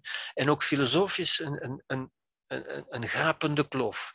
De Cartesiaanse kloof blijft intact, krijgen we niet opgelost. Goed. Oké. Om dat een beetje te illustreren, ja, een, een beetje een voetnoot bij wat ik daar straks ook heb gezegd. Ja. Um, en ook een beetje ja, in vraag stellen, in vraag stellen om, om, om, om uw kritische geest een beetje te, te, te aan te scherpen, zou ik zeggen. Hè. We weten dat een brand kan geblust worden met water. Ja? Dat is een waarneming. Een foute conclusie zou zijn dat een brand het gevolg is van een tekort aan water. Toch is dat een beetje de conclusie die men hier heeft getrokken. Hè? Ja? Is een brand het gevolg van een tekort aan water? Je zou kunnen zeggen, ah natuurlijk, want met water kan ik die brand blussen. Dat wil zeggen dat die brand het gevolg is van een tekort aan water. Nee, helemaal niet. Ja? Een brand heeft. Hier, ziet u wel hoe een, een, een denkfout, een logische illusie. Ja? Dit is een waarneming die ontegenzeggelijk waar is. Dit lijkt een logisch gevolg, maar is helemaal geen logisch gevolg. Is in tegendeel een logische fout, maar die vele mensen maken. Ja, en die ook heel verleidelijk is. Ik, ik kom dadelijk op het punt dat ik wil maken natuurlijk. Ja. Je zou ook kunnen zeggen, kijk, hoofdpijn kan verholpen worden met aspirine. Ah, dan is het toch duidelijk dat hoofdpijn het gevolg is van een tekort aan aspirine? Nee, nee, dat is weer geen logische gevolgtrekking. Ja? Is hoofdpijn het gevolg van tekort aan aspirine? Nee. Kun je hoofdpijn verhelpen met aspirine? Ja. Maar is hoofdpijn het gevolg van een tekort aan aspirine? Nee. En zie je, dat is een logische valkuil. Het lijkt zo logisch. Hè? Ja, maar ik zie dat toch, meneer. En daar is dat toch een gevolg van. Ja, een verleidelijke en, en moeilijk te doorgronden, soms logische denkfout eigenlijk. Ja? Spieren van dansers zijn anders, vertonen verschillen in vergelijking met de spieren van niet-dansers. Dat is dus een waarneming, hè? Ja? Ontegenzeggelijk waar. Spieren, mensen die dansen, die veel dansen, hebben andere spieren wil dat zeggen dat niet kunnen dansen het gevolg is van een probleem met de spieren? Ah, nee? Nee? Ja? Zie je, dat is weer een bijna logische conclusie. Ja? En nu natuurlijk waar ik wil toe komen. Ja? Bij depressie is er een daling van serotonine. Dat is de vaststelling die ik daar straks heb toegelicht. Hè. Men, men, kan dat zien, inderdaad. Hè. Dat, is de, dat is de correlatie, maar dat is geen causaliteit. Dat betekent niet dat depressie het gevolg is van een daling van serotonine. Ja? Dat is een beetje een toelichting bij het, het, het ja, soms moeilijke concept het is eenvoudig, maar het kan, kan moeilijk worden in de praktijk. Ja? Dat correlatie, iets wat gepaard gaat met iets anders, niet noodzakelijk het gevolg is daarvan. Als A gepaard gaat met B, wil dat niet zeggen dat A de oorzaak is van B. Correlatie is geen causaliteit. Wat men heel makkelijk, fout die men hier ook gemaakt heeft natuurlijk. Hè. Die depressie, ah, dat is het gevolg van die daling van serotonine. En dat was zo, zo, zo logisch en zo mooi en, zo, en al wat je wil. Helaas was het niet waar. Ja? Stel dat je geen tango kunt dansen. Ja? Iemand kan geen tango dansen. Als we die nu zouden onderzoeken en zouden, hoe, hoe kan dat dat deze persoon geen tango kan dansen? Wel, dan kunnen we twee hypothesen formuleren. Ja? Ofwel heeft hij een afwijking van zijn spieren, heeft een ziekte van de spieren. Zou dat kunnen? Ja, dat zou kunnen. Ja. Is dat heel frequent? Nee, dat is niet frequent, maar het is wel mogelijk. Ofwel heeft hij gewoon niet leren dansen. Van die twee, wat is de meest waarschijnlijke? Ja. Ik kan uw reacties nu natuurlijk niet zien, maar ik denk dat het duidelijk zal zijn voor iedereen dat het in de meeste gevallen van mensen die geen tango kunnen dansen, zal gaan over mensen die het gewoonweg niet geleerd hebben. Geen mensen die een probleem hebben aan hun spieren. Kan dat zijn dat ze een probleem hebben aan de spieren? Ja, dat kan ook. Maar dat is toch eerder uitzonderlijk, zou ik zeggen. Als je wilt tango leren dansen, moet je bij gevolg niet zozeer, waarschijnlijk niet bij een arts zijn, want waarschijnlijk heb je geen probleem met de spieren, maar moet je bij een dansleraar zijn. Ja? Iemand die u dat kan leren, die niet uw spier gaat onderzoeken, maar die u dat zal leren. Ja? En die dans bestaat weer, hè? waar bestaat die dans, waar bestaat een tango? Dat is weer in de geest, dat is informatie. Een tango gaat gepaard met spierbewegingen, maar is geen spierbewegingen. Een tango is iets anders. Ja? Nu, Stel dat je niet kunt dansen met het leven. En dansen met het leven is de, de metafoor die ik gebruik voor gelukkig zijn in het leven. Ja? Het leven aankunnen. Dat wil zeggen, niet depressief zijn, met andere woorden. Dat is levenskunst. Niet kunnen dansen met het leven, dat betekent je bent ongelukkig of je bent depressief. Die woorden zijn bijna synoniem, zou ik zeggen. Ja? Dat we zeggen, je mist levenskunst, je mist levensdanskunst, zou ik bijna zeggen. Wel, dan zijn er ook twee hypothesen. Ja? Ofwel heb je een afwijking of een ziekte van je genen, van je hersenen, van je hormonen, van je neurotransmitters, het monoamine-verhaal. Ofwel heb je gewoon geen levenskunst geleerd. En dan kun je dezelfde vraag stellen. Wat is het meest waarschijnlijke? Is het mogelijk dat er iets scheelt met je neurotransmitters of met je genen? Of met... Ja, dat kan. Maar dat zal toch niet de meerderheid zijn van de gevallen van mensen die levenskunst missen. En die dus in de wachtlijsten zitten van de, van de zorginstellingen en van de zorgverstrekkers en zo verder. Ja? Mensen die het leven niet aankunnen, die niet kunnen dansen met het leven.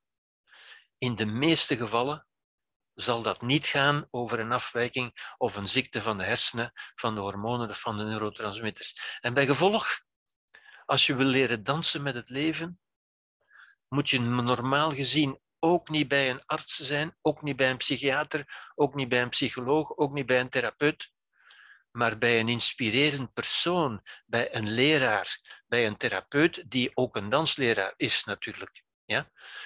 Met andere woorden, een beetje zoals, zoals Plato zei bij een filosoof. Ja? Want dat is waar de filosofie over gaat, levenskunst. Ja? En dus u ziet, we zijn een beetje, uh, is het Hippocrates of Plato? We zijn een beetje begonnen bij Hippocrates en we zijn uitgekomen bij Plato, zou ik zeggen. Ja? En er is dat fameuze boek van, van Lou Marinov, dat zegt uh, geen Prozac, maar Plato. Prozac is een beetje de merknaam van een van de bekendste antidepressiva, uh, die dus Prozac heet. Hè. Prozac werd uh, decennium geleden ongeveer de gelukspil genoemd. Iedereen zou daar gelukkig van worden. Helaas is dat niet zo. En Lou Marinov zei, we hebben niet, niet meer Prozac nodig, maar meer Plato. Ja. Goed. Oké. Ik wil u iets in verband hiermee, wil ik toch een beetje ingaan op het onderwerp wetenschap of het probleem wetenschap, zou ik bijna zeggen. Omdat wetenschap bij ons zo een groot statuut heeft verworven, zo een, een gezaghebbend um, instelling is, dat alles tegenwoordig, om ernstig genomen te worden, wetenschappelijk moet worden genoemd. Ja. En ik wil toch een beetje een, een kanttekening daarbij maken van over wetenschap juist.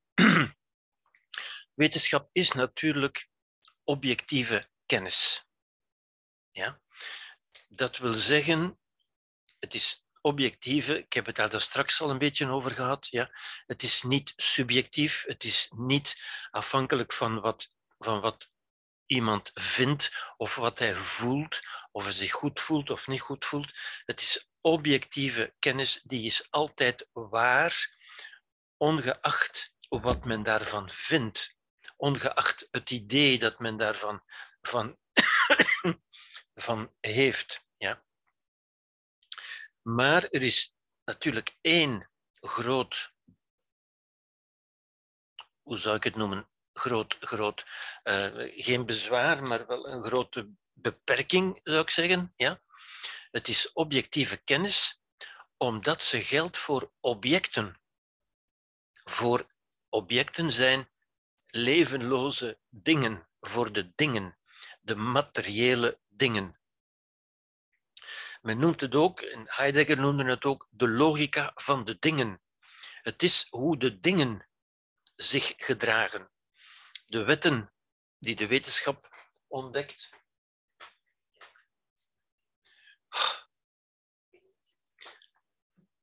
De, wetten die de wetenschap ontdekt, zijn de logica van de dingen. Ja? Dat wil zeggen, ze zijn logisch begrijpelijk, universeel en voorspelbaar.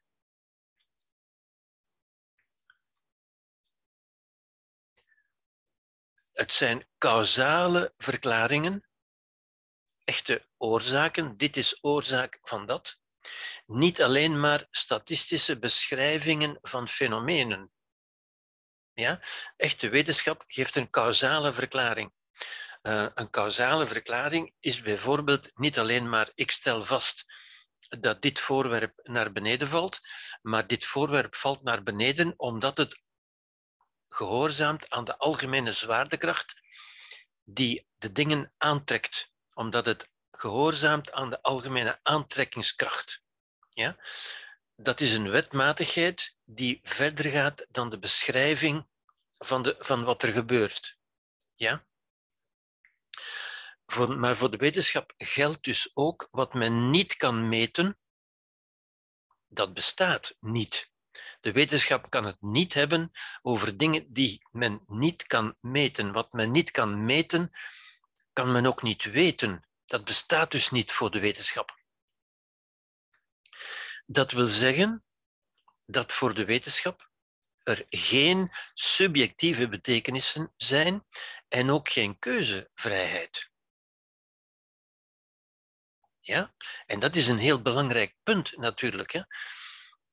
Um, wetenschap, wetenschappelijk gezien kan ik altijd zeggen, als ik een steen in mijn hand houd en ik laat die steen los, dan zal die altijd vallen. En ik kan precies bepalen waar die zal vallen, met welke snelheid, met welke energie enzovoort. Dat is universeel altijd waar. Ja? Maar wat dat betekent, wat ik daarvan vind, hoe ik me daarbij voel, dat kan de wetenschap nooit voorspellen en nooit zeggen, bijvoorbeeld. Ja? Wetenschap kent geen vrijheid, maar gaat over voorspelbaarheid. Ja? Vrijheid ontstaat waar leven is. Als ik in mijn hand niet een steen neem, maar wel een duif, en ik laat die duif los, dan kan ik onmogelijk voorspellen naar waar die duif zal vliegen. Want die duif heeft een eigen energie, een eigen wetmatigheid, een eigen bedoeling, die ik niet kan kennen. En dus kan ik ook niet wetenschappelijk voorspellen waar die duif naartoe zal vliegen. Begrijpt u? Van een steen wel, omdat een steen een object is. En dus ik, ik probeer aan te tonen met, met dat simpele voorbeeld. Wetenschap geldt ons, geeft ons objectieve kennis voor zover het over objecten gaat. Ja? Daar die objecten gehoorzamen, volgen altijd die universele kennis, die is altijd waar. Die zijn voorspelbaar. Maar een levend object, beginnend bij dieren, beginnend eigenlijk al bij planten en zeker bij de mens, heeft een eigen dynamiek, een eigen vrijheid, die de wetenschap niet alleen niet kan voorspellen, maar die de wetenschap niet eens kan kennen. Het begrip vrijheid heeft in de wetenschap geen enkele betekenis, geen enkele zin. De wetenschap kan daar niks mee doen. Zoals met goed voelen of slecht voelen of, of graag hebben en, en dat soort dingen. Dingen die voor de mens van groot belang zijn, bestaan in de wetenschap gewoonweg niet. Ja? Dus men, men moet mij niet verkeerd begrijpen. Vele mensen denken, soms, denken wel eens dat ik tegen de wetenschap ben. Dat is absoluut niet waar. Ik ben een groot bewonderaar van de wetenschap. Ik vind wetenschap een ongelooflijke prestatie, een ongelooflijk product van de menselijke geest, van het menselijke denkvermogen, van het menselijke voorstellingsvermogen. Maar tegelijk moeten we ook zien dat wetenschap in de strikte betekenis alleen maar geldt voor objecten. Wetenschap is de logica van de dingen. Mensen, het leven, planten, dieren en vooral mensen hebben een andere logica, waar ik het dadelijk zal gaan over hebben. Een logica die bijvoorbeeld gaat over vrijheid ook. En vrijheid, daar kan wetenschap niks mee doen, want vrijheid is het omgekeerde van voorspelbaarheid. Wetenschap berust op voorspelbaarheid, op altijd hetzelfde, op onveranderlijkheid, op universele wetten die altijd gelden, overal gelijkwaardig voor iedereen. Vrijheid gaat over iets helemaal anders. Vrijheid gaat juist over onvoorspelbaarheid. Dus ik hoop dat dat voor u duidelijk is, dat ik mij niet tegen de wetenschap keer, maar wel de beperkingen zie van de wetenschap. Dus wat ik nu zeg, is op zich geen wetenschap, is op zich, zou ik zeggen, filosofie van de wetenschap. Want de wetenschap kan zelf haar eigen grenzen niet zien. Alleen de filosofie kan dat. Vrijheid betekent onvoorspelbaarheid. Vrijheid is juist, noemen we juist, onvoorspelbaar. Wetenschap probeert echter ook, en daar gaat het een beetje mis, wil ik niet zeggen, maar wordt het toch wel moeilijk. Hè? Wetenschap probeert terecht alles te begrijpen en te verklaren wat zich in de wereld voordoet. Dat is een terechte, legitieme poging van de wetenschap. Wetenschap probeert dus ook menselijk gedrag te begrijpen. Ja? En dat horen we voortdurend. Ook in de media verschijnt dat voortdurend. Ja? Door gedrag te herleiden tot begrijpelijke en voorspelbare causaliteiten, die men dan factoren en oorzaken noemt.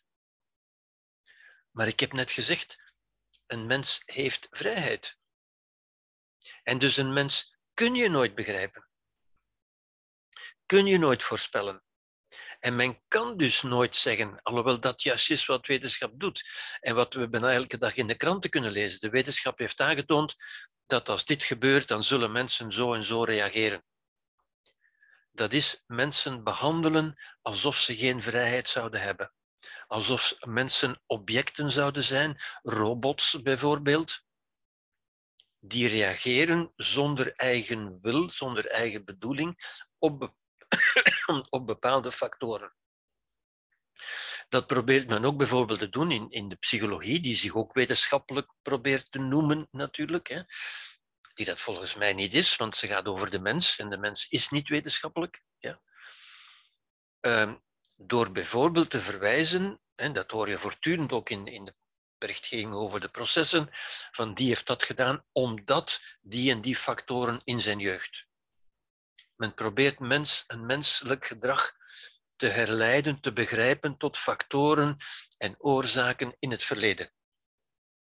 Ik denk dat het valikant fout is, omdat men dood eenvoudig ook altijd mensen kan, kunnen, kan vinden die met dezelfde factoren in het verleden toch een heel ander gedrag vertonen. Ja? Want mensen zijn juist geen dingen. Een mens is natuurlijk ook een ding. En dat maakt het juist moeilijk. Hè? Een mens is ook ergens een ding. Ja?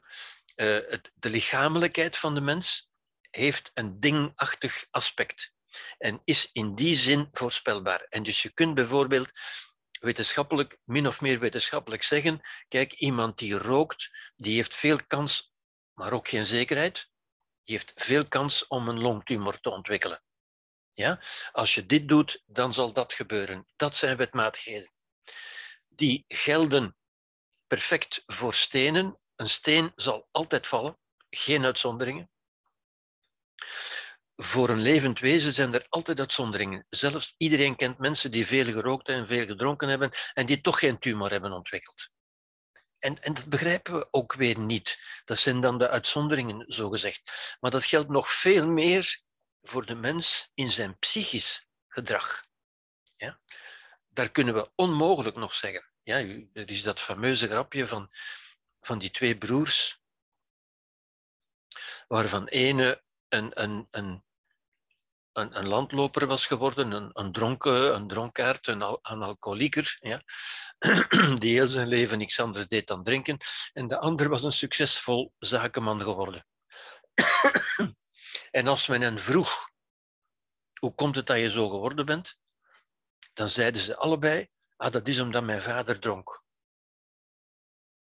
Zie je, vanuit eenzelfde oorzakelijkheid, vanuit eenzelfde gegevenheid, kunnen mensen heel andere conclusies trekken en dus een heel ander leven opbouwen. En je kunt dus niet zeggen dat is vanwege mijn verleden. Want je vindt altijd mensen die ook zo'n verleden hadden en die toch iets heel anders hebben gedaan. Vandaar dat Heidegger ook heel terecht zei, je kunt de mens niet begrijpen met de logica van de dingen. En dat is ook wat Levinas bijvoorbeeld zegt. Hè. Dat, is, dat is juist het respect voor de vrijheid van de mens. een respect dat de mens ook voor zichzelf zou moeten hebben. Een mens mag ook zichzelf niet herleiden van zeggen, ik, ik doe zo vanwege mijn verleden. Nee, u doet zo omdat u nu de keuze maakt om zo te doen. Een mens moet verantwoordelijkheid nemen voor zijn gedrag. Een mens stellen we ook verantwoordelijk. Als het echt zo zou zijn dat een mens dit of dat zou doen vanwege zijn verleden, ja, dan moeten we hem niet voor de rechter brengen, want dan, dan heeft hij geen keuze, dan heeft hij geen vrijheid. Als we een mens voor de rechter brengen, is het juist omdat hij wel vrijheid had. Men had het ook niet kunnen doen. Het verleden kan nooit uw vrijheid wegnemen. Ja. Nu, daar kom ik nog op terug natuurlijk. Ja. Dus dat zeggen is een ontkenning van de menselijkheid en van de psyche. Dus ik bedoel, de mens terugbrengen tot causaliteiten, tot factoren en oorzaken, is een ontkenning van zijn menselijkheid en van de psyche, van de vrije wil, met andere woorden. zoals Heidegger en Levinas het, het, ook hebben gezegd. En dat zijn filosofen, dat zijn geen wetenschapsmensen. De wetenschap kan dit niet zeggen. De wetenschap kan alleen zeggen, er gebeuren dingen die we niet wetenschappelijk kunnen verklaren. En dat is ook zo. En dat die onmogelijkheid om wetenschappelijk te verklaren, is juist de menselijke vrijheid en bij gevolg de menselijke verantwoordelijkheid. Dus dit zijn strategieën, zou ik zeggen, van deresponsabilisering, wat mensen vaak proberen te doen. Van ik kon er niks aan doen, want kijk eens naar mijn verleden bijvoorbeeld. Ja? Mensen proberen zich te onttrekken aan hun verantwoordelijkheid. Een mens is namelijk geen object, maar is een subject. En dat we zeggen, een mens is subjectief. En dat is tegengesteld aan wetenschap. Wetenschap is objectief, gaat over objecten. Een mens is subjectief, gaat over zijn subject zijn. Een subject zijn, dat is een ik met een wil. Een mens wil iets. Een mens heeft geen biologie, maar heeft een biografie. En een biografie gaat niet over de mens. We kunnen geen biografie van de mens, omdat de mens in eindeloze gedragsvariaties uiteenvalt. Een biografie gaat over één mens, hoe één mens dat gedaan heeft. We kunnen de biografie van Nelson Mandela lezen en daarin kunnen we lezen wat men hem gedaan heeft, wat hij daarbij gevoeld heeft, wat hij gedacht heeft en wat hij gedaan heeft als antwoord daarop. Niet uit wetmatigheid, maar uit antwoord.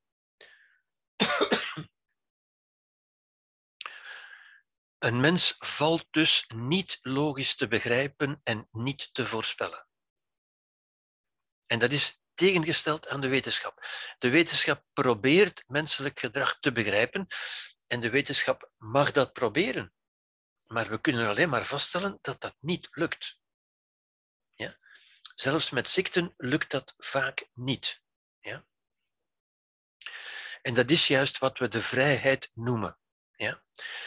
De, zogenaamde, de zogenaamde wetenschap van de mens. Want men, wetenschap probeert dat toch natuurlijk. Hè? Zijn geen causaliteit, geen verklaring, maar statistische beschrijvingen. We kunnen wel zeggen,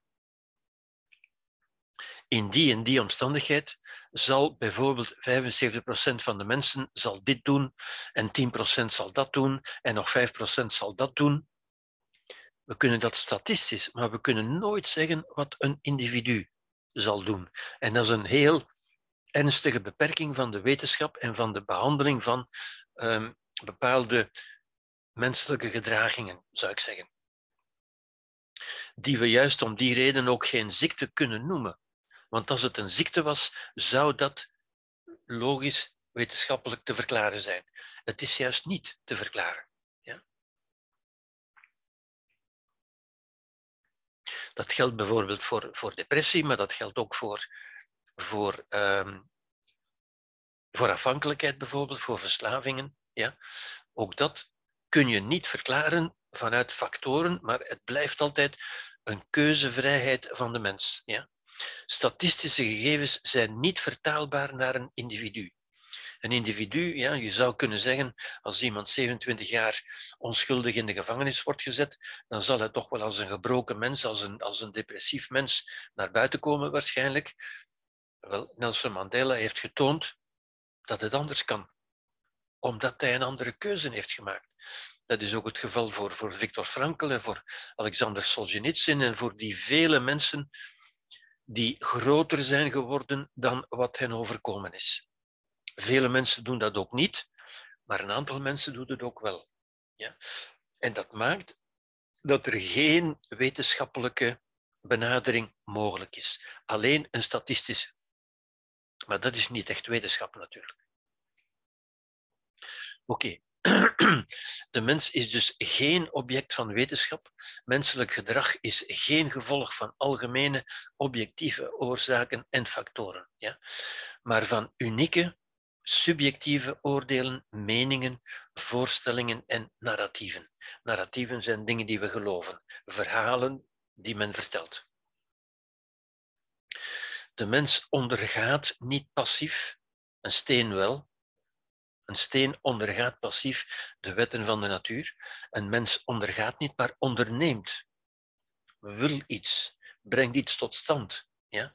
Op basis van subjectieve verlangens, intenties, bedoelingen, betekenissen, vooroordelen, cognitieve biasen, narratieven enzovoort. Ja?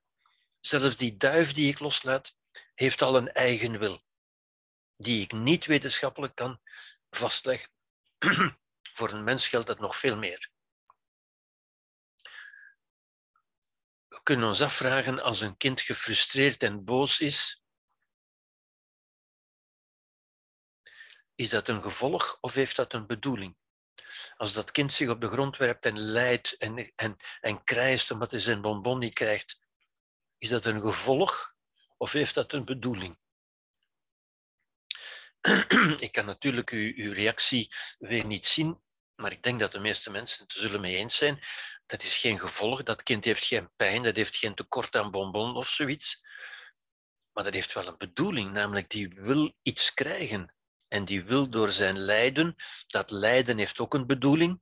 Dat heeft geen oorzaak, maar wel een bedoeling. Namelijk, die probeert die bonbon toch nog te krijgen. Die probeert de anderen te manipuleren om toch nog zijn bonbon te krijgen. Dat is de bedoeling van het lijden. Ik kom daar ook nog uitgebreider op terug natuurlijk. Menselijk leven is een autobiografisch project in een beïnvloedende en formaterende context. Dat wil eigenlijk, dat wil zeggen, mensen geven een zin, een richting aan hun leven, een autobiografisch project, in een context die natuurlijk niet neutraal is en die ons wel beïnvloedt, maar die geen oorzaak is. De omgeving is, is, is beïnvloedend en formateert ons, maar is niet de oorzaak. De oorzaak moeten we op onszelf nemen. Ja? Dat is onze vrijheid. Goed. De wetenschap ziet abstracte, zieloze wetmatigheden en systemen, maar ziet geen schoonheid, ziet geen mysterie. Schoonheid is ook een menselijk begrip. De wetenschap kent dat niet. U gaat daar geen wetenschap over vinden. U kunt geen wetenschap van de schoonheid hebben, nog van het mysterie. Dat zijn betekenissen voor de mens. Ja? De, de wetenschap ziet verf op een doek. Als je, als je een schilderij, de Mona Lisa, laat analyseren, dan zegt de wetenschap, ja, dat is verf op een doek. En daar hebben ze gelijk in. En ze kunnen dat doek analyseren en die verf en zien uit welke tijd dat komt en zo verder. Maar ze kunnen niet de schoonheid van dat schilderij zien. Ze kunnen niet de betekenis zien die dat voor een mens heeft. Ja? Zie je, dat is de geest. Dat is aan de andere kant van de Cartesiaanse kloof. Ja? Wetenschap ziet spiercontracties, maar ziet geen dans. Een tango is geen wetenschappelijk begrip. Spiercontracties wel. Als u iemand die een tango danst zou laten analyseren door, door een wetenschapper, dan zal die zeggen, ja, ik zie dat die spieren samentrekken, maar die ziet geen dans. Want dat is een begrip dat de wetenschap niet kent. Ja? Wetenschap ziet hersenen, maar ziet geen geest. Zie je, en dan zijn we waar we moeten zijn natuurlijk. Hè? Wetenschap ziet hersenen, ziet neurotransmitters en, en synapsen en synaptische spleet en, en, en verschillende en ziet ook hormonen en genen enzovoort, maar ziet geen geest. Ziet geen, geen psyche, ziet geen ziel. Wetenschap is zielloos. De mens heeft een ziel. Namelijk dat wat voor hem betekenis geeft. De ruimte van betekenissen. Dat is de menselijke ziel, zou je kunnen zeggen. Ja? Wetenschap ziet neurotransmitters, maar ziet geen beleefde ervaring. Wetenschap ziet ook geen depressie natuurlijk, want depressie is, is een, iets wat wij, is een betekenis. Wetenschap ziet wel neurotransmitters. Wetenschap ziet een lichaam, maar ziet geen mens. Wetenschap ziet ook geen schoonheid. Dat, dat, dat kent de wetenschap niet. Ja? Wij kunnen een mens mooi vinden, of lief, of sympathiek, of wat dan ook. Maar dat zijn geen wetenschappelijke concepten. Ja? Wetenschap kan ons geen transformerende ervaring geven. Geen echt weten in de zin van een beleefd, een ervaren weten. Ja? Geen motivatie. Wetenschap geeft ook geen motivatie. Wetenschap geeft ons het weten. Ik weet wel dat. Ik weet wel dat roken tot een longtumor leidt, maar dat motiveert mij niet om het wel of niet te doen. Wetenschap gaat niet over motivatie. Wetenschap gaat over feitelijkheden. Ja?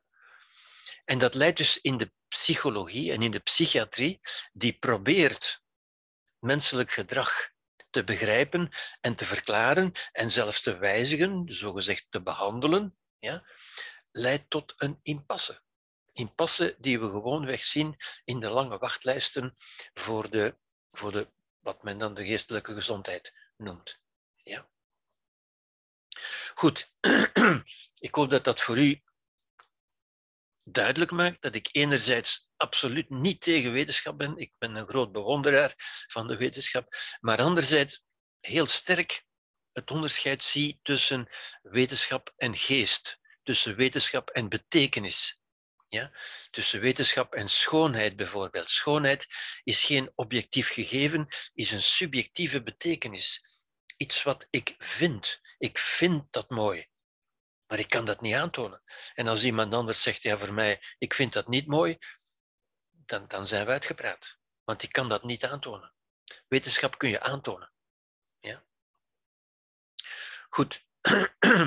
Het belangrijkste argument is nog wel, en ik heb het ook al gezegd in, in het begin, ergens in, zelfs als de symptomen, ik heb het nu terug over depressie natuurlijk, zelfs als de symptomen maar dat geldt niet alleen voor depressie, ook voor, ook voor verslavingen, ook voor, voor angst en dat soort dingen. Zelfs als die symptomen het gevolg zouden zijn van veranderingen in de neurotransmitters, quod non, ik heb dus aangetoond, of proberen aan te tonen, dat we dat niet meer geloven, dat er wel correlatie is, maar geen causatie. Met andere woorden, er zijn geen oorzaak. Maar zelfs als ze oorzaak zouden zijn, dan zouden we ons nog kunnen vragen, af kunnen vragen, en terecht, maar wat veroorzaakt dan die veranderingen in de neurotransmitters? En dan hebben we weer geen antwoord meer, natuurlijk. Ja? Ziet u, men, men gaat ervan uit, als men ervan uitgaat dat neurotransmitters ons gedrag bepalen, dan is men klaar. Maar als men beseft, ja, maar wie, wie stuurt dan die neurotransmitters? ik stuur niet mijn gedrag, hè, want uh, ik, ben, ik gedraag me zoals ik mij gedraag vanwege mijn neurotransmitters. Ah ja, oké meneer, dat is goed. Maar wie is dan verantwoordelijk voor uw neurotransmitters? Zie je, men verschuift eigenlijk, filosofisch gezien, verschuiven we alleen maar de, de, de oorzaakvraag. We schieten er eigenlijk niet mee op. We leggen het alleen op een terrein waar we nog minder van weten. Het is een beetje zoals zeggen, het is God. Hè. Iemand heeft dat ooit eens gezegd. Geloven in God is iets wat je niet begrijpt, verklaren door iets wat je nog veel minder begrijpt. Dat is een beetje de religieuze, religieuze houding, zou je kunnen zeggen. Nu, dat is hier ook zo. Hè? Als we die symptomen verklaren door de neurotransmitters, maar dan moeten we zeggen, maar daar begrijpen we nog veel minder van. Hoe komt het dan dat die? Ja? Oké, genoeg erover. Ja, goed. Ik denk dat ik het hierbij zal laten voor vanavond. Uh, ik excuseer me dat de avond een beetje moeizaam verlopen is door mijn, door mijn genadeloos gekuch. Maar ik hoop dat ik u toch een aantal interessante moeilijkheden uh, en, en, vragen heb laten inzien en dat ik u een beetje laat hangen op een cliffhanger, zoals dat dan noemt. Ja. Namelijk dat u, dat u aanvoelt dat we een nieuw verhaal, dat we nieuwe inzichten gaan moeten hebben als we daar toch iets willen van begrijpen. Ja, ik zeg dus niet dat we er niets kunnen van begrijpen. Ik zeg alleen dat de wetenschap het niet kan begrijpen. En dat is op zich al een probleem genoeg. Ik hoop dat ik dat duidelijk heb aangetoond. Ik, we kunnen het wel op een andere manier kunnen we er iets van begrijpen, zoals we ook iets kunnen begrijpen van, van schoonheid natuurlijk, alleen niet op een wetenschappelijke manier. En dat is een groot probleem in onze tijd, waar alles ernaar streeft om wetenschappelijk te zijn. En waar vooral geld en tijd gaat naar wat wetenschappelijk wordt genoemd. Goed, ik ga het hierbij laten en ik ben natuurlijk open en beschikbaar voor wie nog vragen zou willen stellen.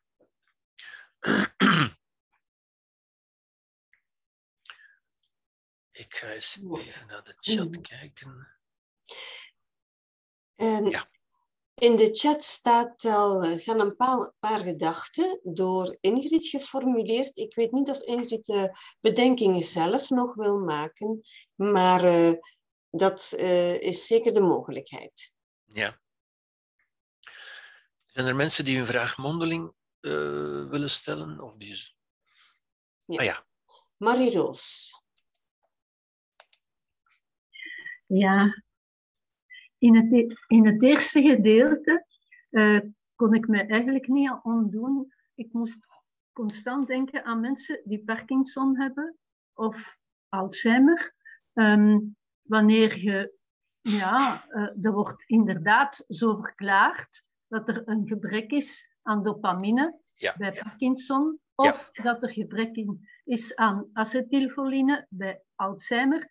Maar die mensen die zetten daar wel hun hoop op.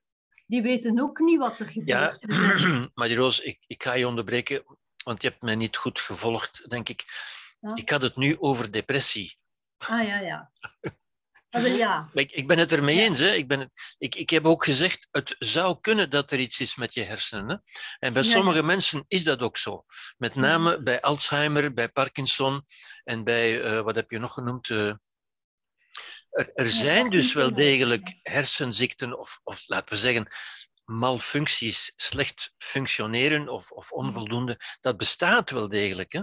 Ik heb alleen gezegd, bij de meeste mensen die, die met, een met een depressie gediagnosticeerd worden, is dat waarschijnlijk niet het geval. Ik zeg niet dat het niet kan. Ik zeg alleen in de meeste gevallen. Maar u hebt gelijk, bij Parkinson is dat ook duidelijk aangetoond. Ja. Ja? Zoals Huntington is aangetoond dat dat van de genen komt.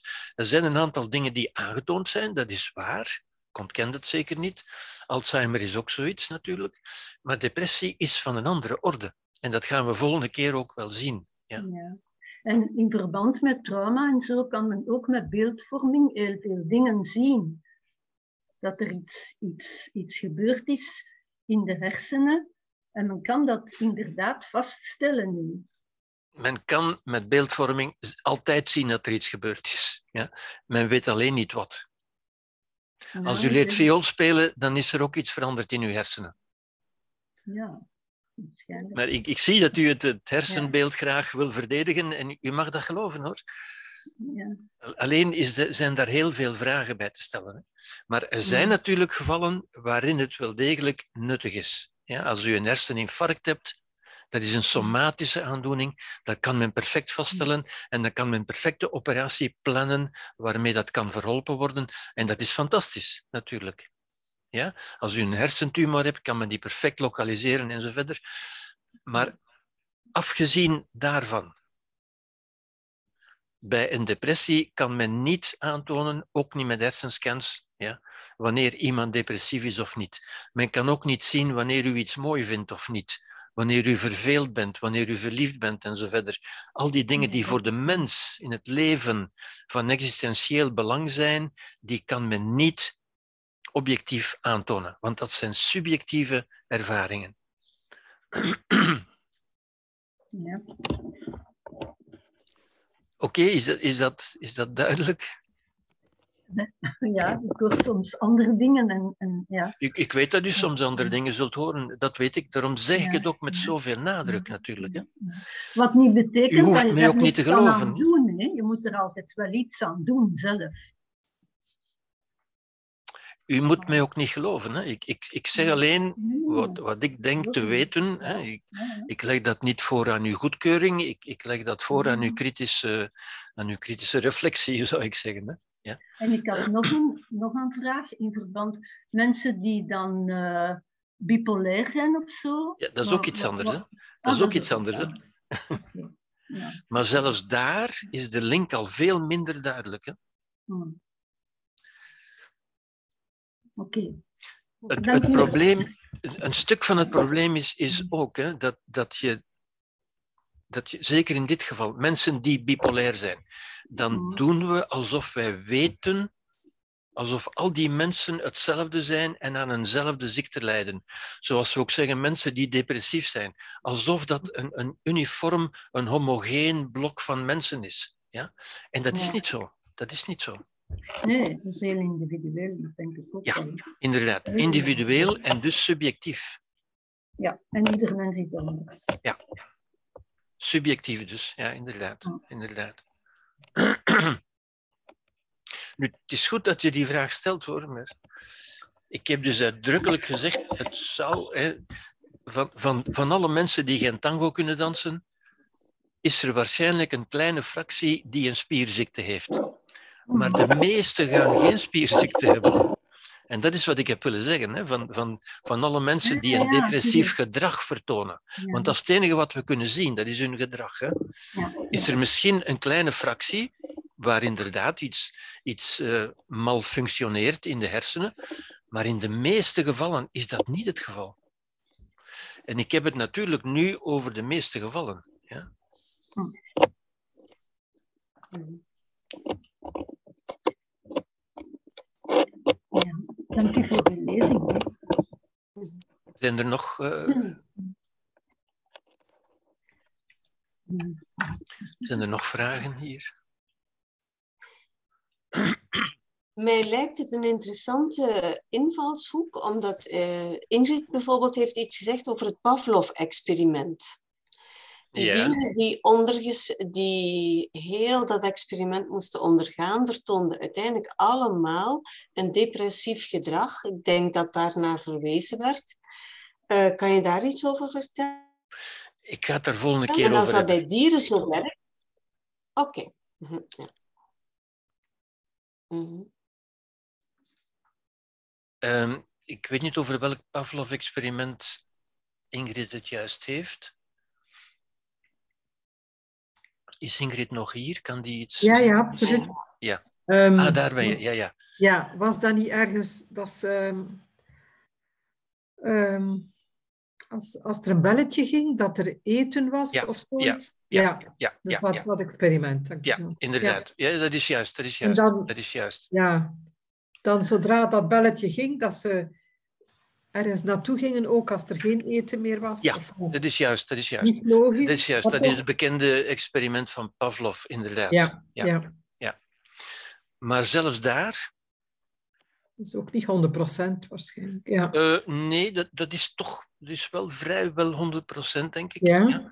Omdat, omdat een dier natuurlijk nog in grote mate automatisch werkt. Ah ja, Ja. ja. minder vrijheid. Ja. Ja. Inderdaad. Dichter bij het object staat dan bij het subject van de mens. Ja? Een Oh. dier heeft een zekere keuze, ja? maar heeft niet alle keuze. Mhm. Nu, die experimenten, dat werkt eigenlijk in op ons, op, juist op ons autonoom zenuwstelsel. En de mens heeft dat ook in zich. Dus de mens is natuurlijk in grote mate ook een dier, maar de mens heeft daarnaast die, die mentale wereld, ja, die een dier niet heeft. En in, het is in die, in die mentale wereld, dus voorbij de Cartesiaanse kloof, zou ik zeggen, ja, Mhm. dat de vrijheid van de mens ontstaat. Ja? De mens heeft een vrijheid die een dier niet heeft. Je kunt mensen ook conditioneren, maar nooit zo goed als een dier. Je kunt een mens nooit temmen, hè, dat is temmen eigenlijk. Hè. In een circus kan men, kan men dieren bijna feilloos temmen. Met een mens lukt dat nooit. Het is een goed gevoel van te weten dat wij als mens vrij zijn. Ja. Dat is een fantastisch. Ja, dat is een, na- natuurlijk, dat is een, nooit helemaal vrij. Ja. Ja. natuurlijk. Dat is een geweldig gevoel natuurlijk. Ja. Ja.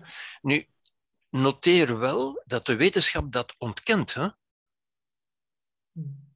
En, en de praktijk van de psychiatrie ontkent eigenlijk ook dat de mens een vrijheid heeft. Hè?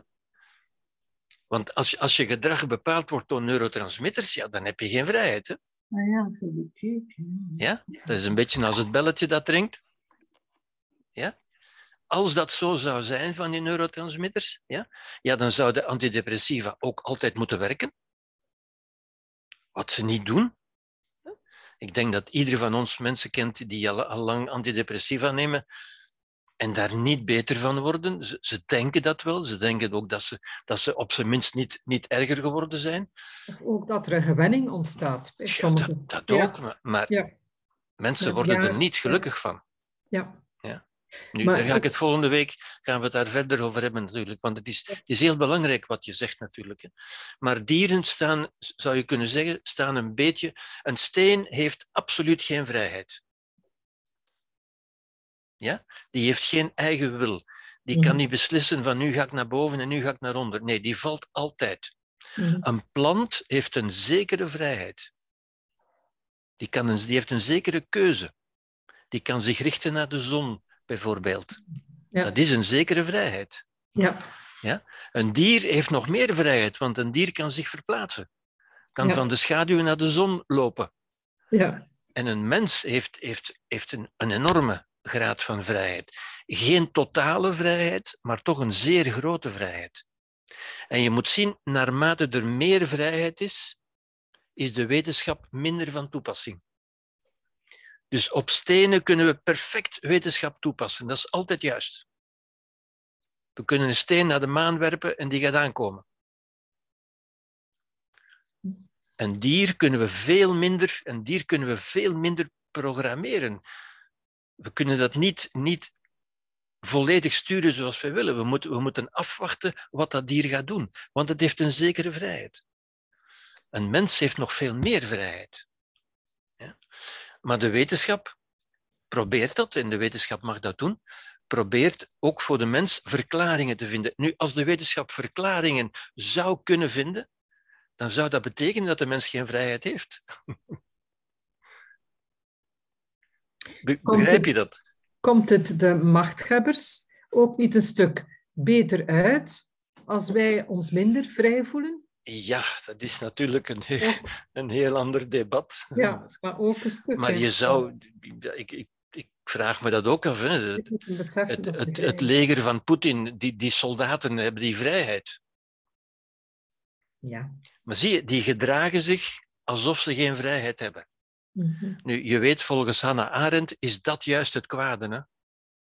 Het kwade is onnadenkend doen wat je gezegd wordt. Zoals Adolf Eichmann, die, die, zijn excuus was, ja, maar ik deed maar wat mij gezegd was. Ja. Dat we zeggen, die gedraagt zich alsof hij geen vrijheid had. Want Mhm. als je geen vrijheid hebt, heb je ook geen verantwoordelijkheid natuurlijk. Mhm. Mhm. Als je vrijheid hebt, het nadeel van vrijheid is dat je verantwoordelijk bent. De, de reuzengommers kunnen niet zeggen, ik had geen vrijheid. Daarom staan ze voor de rechtbank. Ja? Als ze zouden kunnen zeggen, ja, maar het waren mijn neurotransmitters, sorry, het was ik het niet. Ja. Ja, be- begrijp je het, het conflict tussen, enfin, conflict niet, maar de, de, de dissonantie, de, de discrepantie, de, de, de, de, de dissonantie bijna tussen wetenschap en vrijheid. Ja? Als je, en, en advocaten spelen daar natuurlijk ook op. Hè? Ja, maar mijn cliënt kon niet anders, want je moet eens kijken wat hij in zijn jeugd heeft meegemaakt. Dus dat wil zeggen, die had geen vrijheid. Het is een robot, het is een zombie.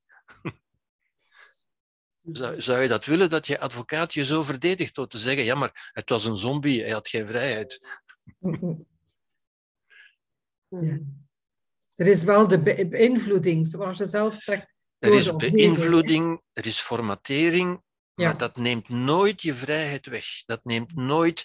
Een, een kind heeft natuurlijk veel minder vrijheid dan een volwassene. Hè? Vrijheid is geen aan-uit, geen on-off. Dat is iets wat je verwerft. Naarmate je bewuster wordt, heb je meer vrijheid en bij gevolg ook meer verantwoordelijkheid. Een kind gaan we niet voor de rechtbank brengen. Waarom niet? Omdat een kind die vrijheid nog niet heeft. Vrijheid is ook moraliteit. Hè? Moraliteit vereist vrijheid. Ja? Van een kind zeggen we, die wist niet beter. Mhm. Van de reuzengommers zeggen we, ja, die hadden beter moeten weten. Want ze waren op een leeftijd dat ze beter konden weten. Ja, ja. Van de soldaten van Poetin zouden we ook moeten zeggen, hè, van, dat zijn toch geen robots, dat zijn toch mensen. die kunnen toch ook zeggen, als die nu eens allemaal tegelijk zouden zeggen, we doen het niet meer. Ja, dan zou het probleem opgelost zijn. Hè? Het, het kwaad zit in het onnadenkend handelen, in het onnadenkend uitvoeren van orders. Merci.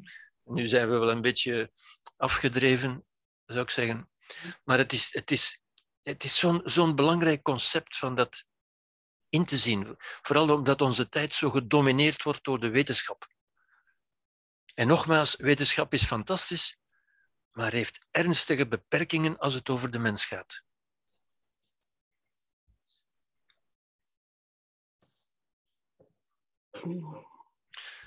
Zijn er nog. Uh... Het is een van de belangrijke punten die ik, die, die ik wil maken, ook uiteindelijk. Hè, van... Want als we iets, ik zal daar ook nog op terugkomen hoor, maar als we iets een ziekte noemen, en dat zit in dat woord, hè, als we iets een ziekte noemen, dan hoort daarbij, ik kan er niks aan doen. Het is mij overvallen. En ik kan alleen maar hopen dat een specialist, een arts, mij zal genezen van die ziekte. Dat wil zeggen, het geloof dat die ziekte mij mijn vrijheid ontneemt. Ik kan er niks aan doen. Het was mijn ziekte. Ja? Wat ook veel gebruikt en misbruikt wordt op, op processen door advocaten enzovoort, maar ook door artsen enzovoort. Als artsen ons doen geloven dat depressie een ziekte is, ja, dan moet ik gewoon wachten tot, tot, tot een of andere slimme arts een goed middel en om mij te verlossen, want ik kan er niks aan doen, want het is een ziekte. Dat is als u diabetes hebt, ja, daar kunt u inderdaad niks aan doen, want dat is een echte ziekte.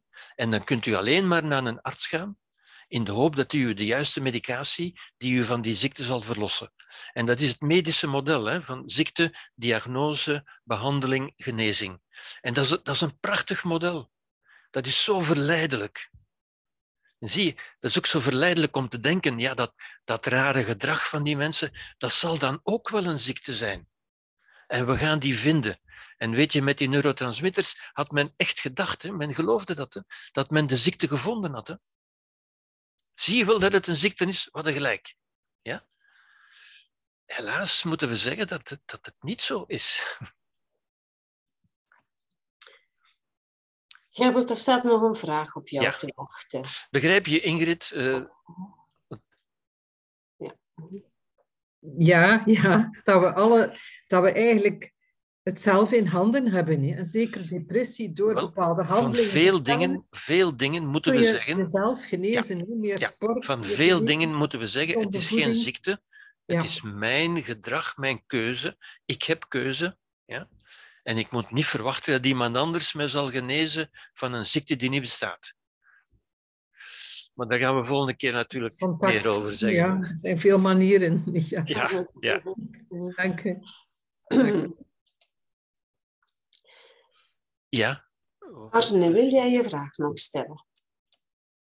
Ja, het ligt een beetje in het verlengde van wat hij op het einde zei, Gerbert. Van, ik dacht enerzijds van als dat zo weerlegd is, dat, um, dat van die neurotransmitters, dat, dat, dat een placebo even effectief is um, als uh, antidepressiva. Waarom dat, dat dan nog altijd zo ja, het dominant beeld is van... ja. Uh, en dan ja, heb je zelf antwoord op je, op je vraag, ah, ja, ja. vraag, door te zeggen van het is zo verleidelijk. En dan denk ik van, het is eigenlijk nog deprimerender dan dat ik dacht. Van enerzijds dacht ik van, aha, we worden misleid door de farma-industrie. Maar anderzijds denk ik ook van, ja, we willen niet liever dan misleid worden, want we kunnen... Inderdaad, en ik denk dat de twee waar zijn. Ik, ik denk dat het ook weer te simpel en te gemakkelijk is van te zeggen, die slecht trekken van de farma-industrie en wij kunnen er niks aan doen. Ik denk, we moeten zien, we, we zouden eigenlijk graag meespelen, we zouden het eigenlijk graag geloven. Het is zo'n verleidelijk beeld, zo'n verleidelijk model. Ja, en tot op de dag van, vandaag, ik, ik zie mensen inderdaad hè, die, die, die nog altijd erin geloven. Hè? Ook professionelen. Hè? Ik dacht zo van ja, dan, dan waarom zijn ze niet creatiever in de farma-industrie als het weer licht is? Waarom vinden ze dan weer niet een nieuw narratief of een nieuw schemaatje dat ze de mensen kunnen meegeven? Maar het is Oh, maar daar wordt, nodig. ook, daar wordt ook naar gezocht hoor. Daar wordt naar gezocht hoor. Maar ik, ik denk dat ze ook wel begrijpen dat, dat het aan de, aan de greep van de wetenschap ontsnapt. Het wetenschappelijk onderzoek, dat is zoals het wetenschappelijk onderzoek van de Matthäus-passion. Je kunt maar zo ver gaan, je kunt alle noten eh, bekijken, maar dan heb je het ook gehad. Hè? De wetenschap heeft zijn grenzen. Er zijn grenzen. Als je de, de Mona Lisa wetenschappelijk gaat onderzoeken, ja, als je elke pixel verf onderzocht hebt en gedateerd hebt, ja, dan heb je gedaan wat je kon. Hè? Verder kun je niet gaan. Ja, maar da- allee, da- daar zijn wij nu allemaal van overtuigd. Maar ik wil gewoon zeggen, we steken ons er ook als patiënt eh achter. Ja. hè. Ja, Ja. inderdaad. Inderdaad. Inderdaad. Maar ook als arts. Hè? En ook als ouder bijvoorbeeld. Hè? Want ouders die, die nu een kind hebben, want kinderen worden ook gediagnosticeerd tegenwoordig met, met depressie. En dan ben je toch ook bang. Je bent bang dat je niet alles zult gedaan hebben wat mogelijk is voor dat kind. En zo is een arts, die is ook bang. Als hij geen antidepressiva voorschrijft, om te beginnen, zijn collega gaat het wel voorschrijven. Ja? En, en, en misschien krijg je wel een proces dat je niet gedaan hebt wat je moest doen. Dus dat is veel angst ook hoor. Want het staat nog altijd in de protocols, hè? Dat, dat, hoort daarbij. Mhm.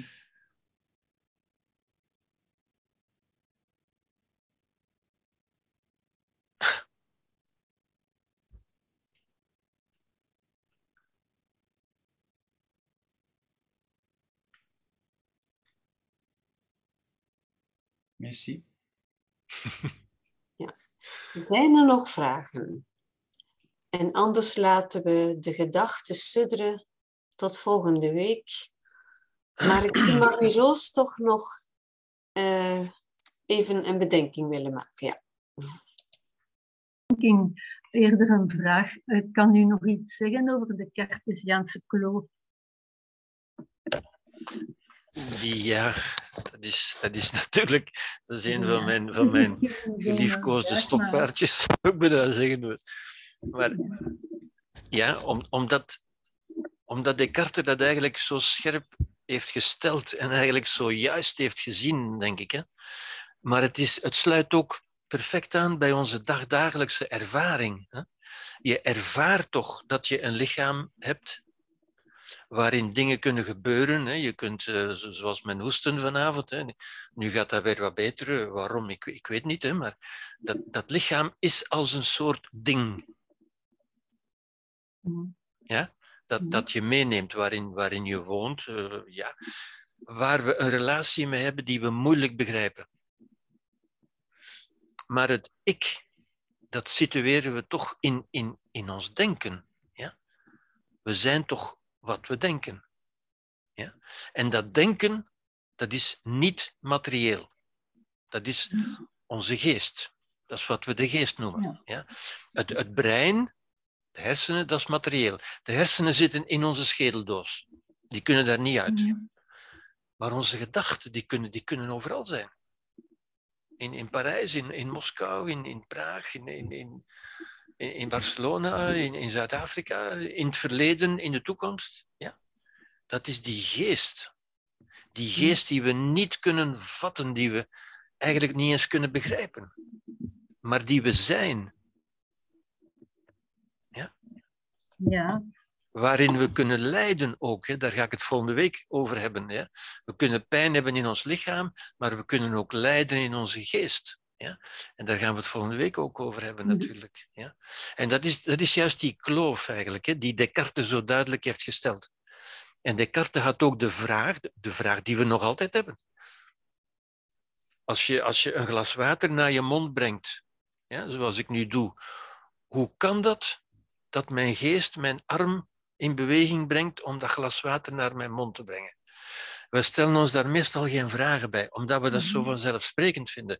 Maar als je erover gaat nadenken, hoe, hoe kan dat dat ik door dat alleen maar die wens, ik, ik wil Mhm. drinken, dat is alles. En dan wacht ik af en mijn lichaam doet het nodige om dat glas naar mijn mond te brengen.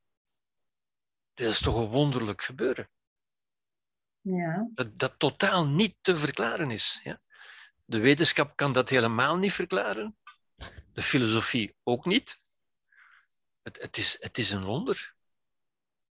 En dat is wat ik die kloof noem. Hè. Die kloof die, die om te beginnen bij Descartes is gesteld, door Descartes scherp is gesteld, en waar we nog altijd mee zitten, die we niet, niet wegkrijgen. Die Grand Canyon in ons bestaan. Ja, dank u. En ook de verbeelding. De verbeelding speelt ook. En, en ja, maar de verbeelding, dat is onze geest, hè? Ja. Dat is de geest, hè? Met de verbeelding kun je, kun je in Parijs zijn, of in Zuid-Afrika, of in Barcelona. Je kan de Sagrada Familia in mijn, in mijn verbeelding zien. Hoe kan dat? Kun je ook op jezelf inwerken, toch? Ook. Hoe kan het dat mensen nog altijd beweren dat ze lijden onder het verleden, alhoewel het verleden er al lang niet meer is? Hoe kan dat? Ja. Ja, Dat is onze geest, dat is wat we met onze geest doen. Een keer. Ze kunnen het zich herinneren en dan een tweede Ja, keer maar dat herinneren, dat is onze geest, hè? Dat is onze geest, hè? Ja, maar ja. Ja, ja. Ja. Maar onze geest beïnvloedt toch ons lichaam. Dat kun je zeggen, maar hoe gebeurt dat? Natuurlijk, want als ik, als ik dat glas water wil hebben, dan doet mijn lichaam. Mijn lichaam doet wat mijn geest vraagt. Ja. Dat, dat, dat betwist ik niet, hè? Dat, dat, dat stellen we allemaal vast. Hè? Mijn lichaam doet gewoon, hè? Als, ik, als ik loop, ik zet de ene voet voor de andere. Hoe, hoe doe je dat? Ah, nee, mijn lichaam doet dat. Dus natuurlijk, de vraag is, hoe kunnen we dat verklaren? Hoe, hoe kunnen we dat begrijpen? We begrijpen dat niet. Mysterie. Ja. Mysterie. Ja. Mooi systeem. Oké. Nog een En wat ik dus eigenlijk ook wil zeggen, is dat, dat de wetenschap ons volkomen in de steek laat voor de dingen van de geest. Dus op, op die manier kun je het eigenlijk nog, nog duidelijker zeggen. Ja. De dingen van de geest kunnen we door de wetenschap, hè, dus zoals schoonheid bijvoorbeeld, hè, dat is iets van de geest, hè, dat kunnen we wetenschappelijk niet begrijpen. En toch is dat voor ons van het grootste belang. Dat is wat ons leven interessant maakt en, en mooi. Mhm. Is, is dat duidelijk voor iedereen? Of Ja, dank u wel. in, in Dank Zoom is het altijd een beetje moeilijker om die interactie te hebben, natuurlijk. Mhm. Zijn er nog vragen? Nu, ik kom daar volgende week zeker op terug hoor, want u, u, u begrijpt, dit gaat naar de essentie van, van waar ik het wil over hebben eigenlijk. Ja.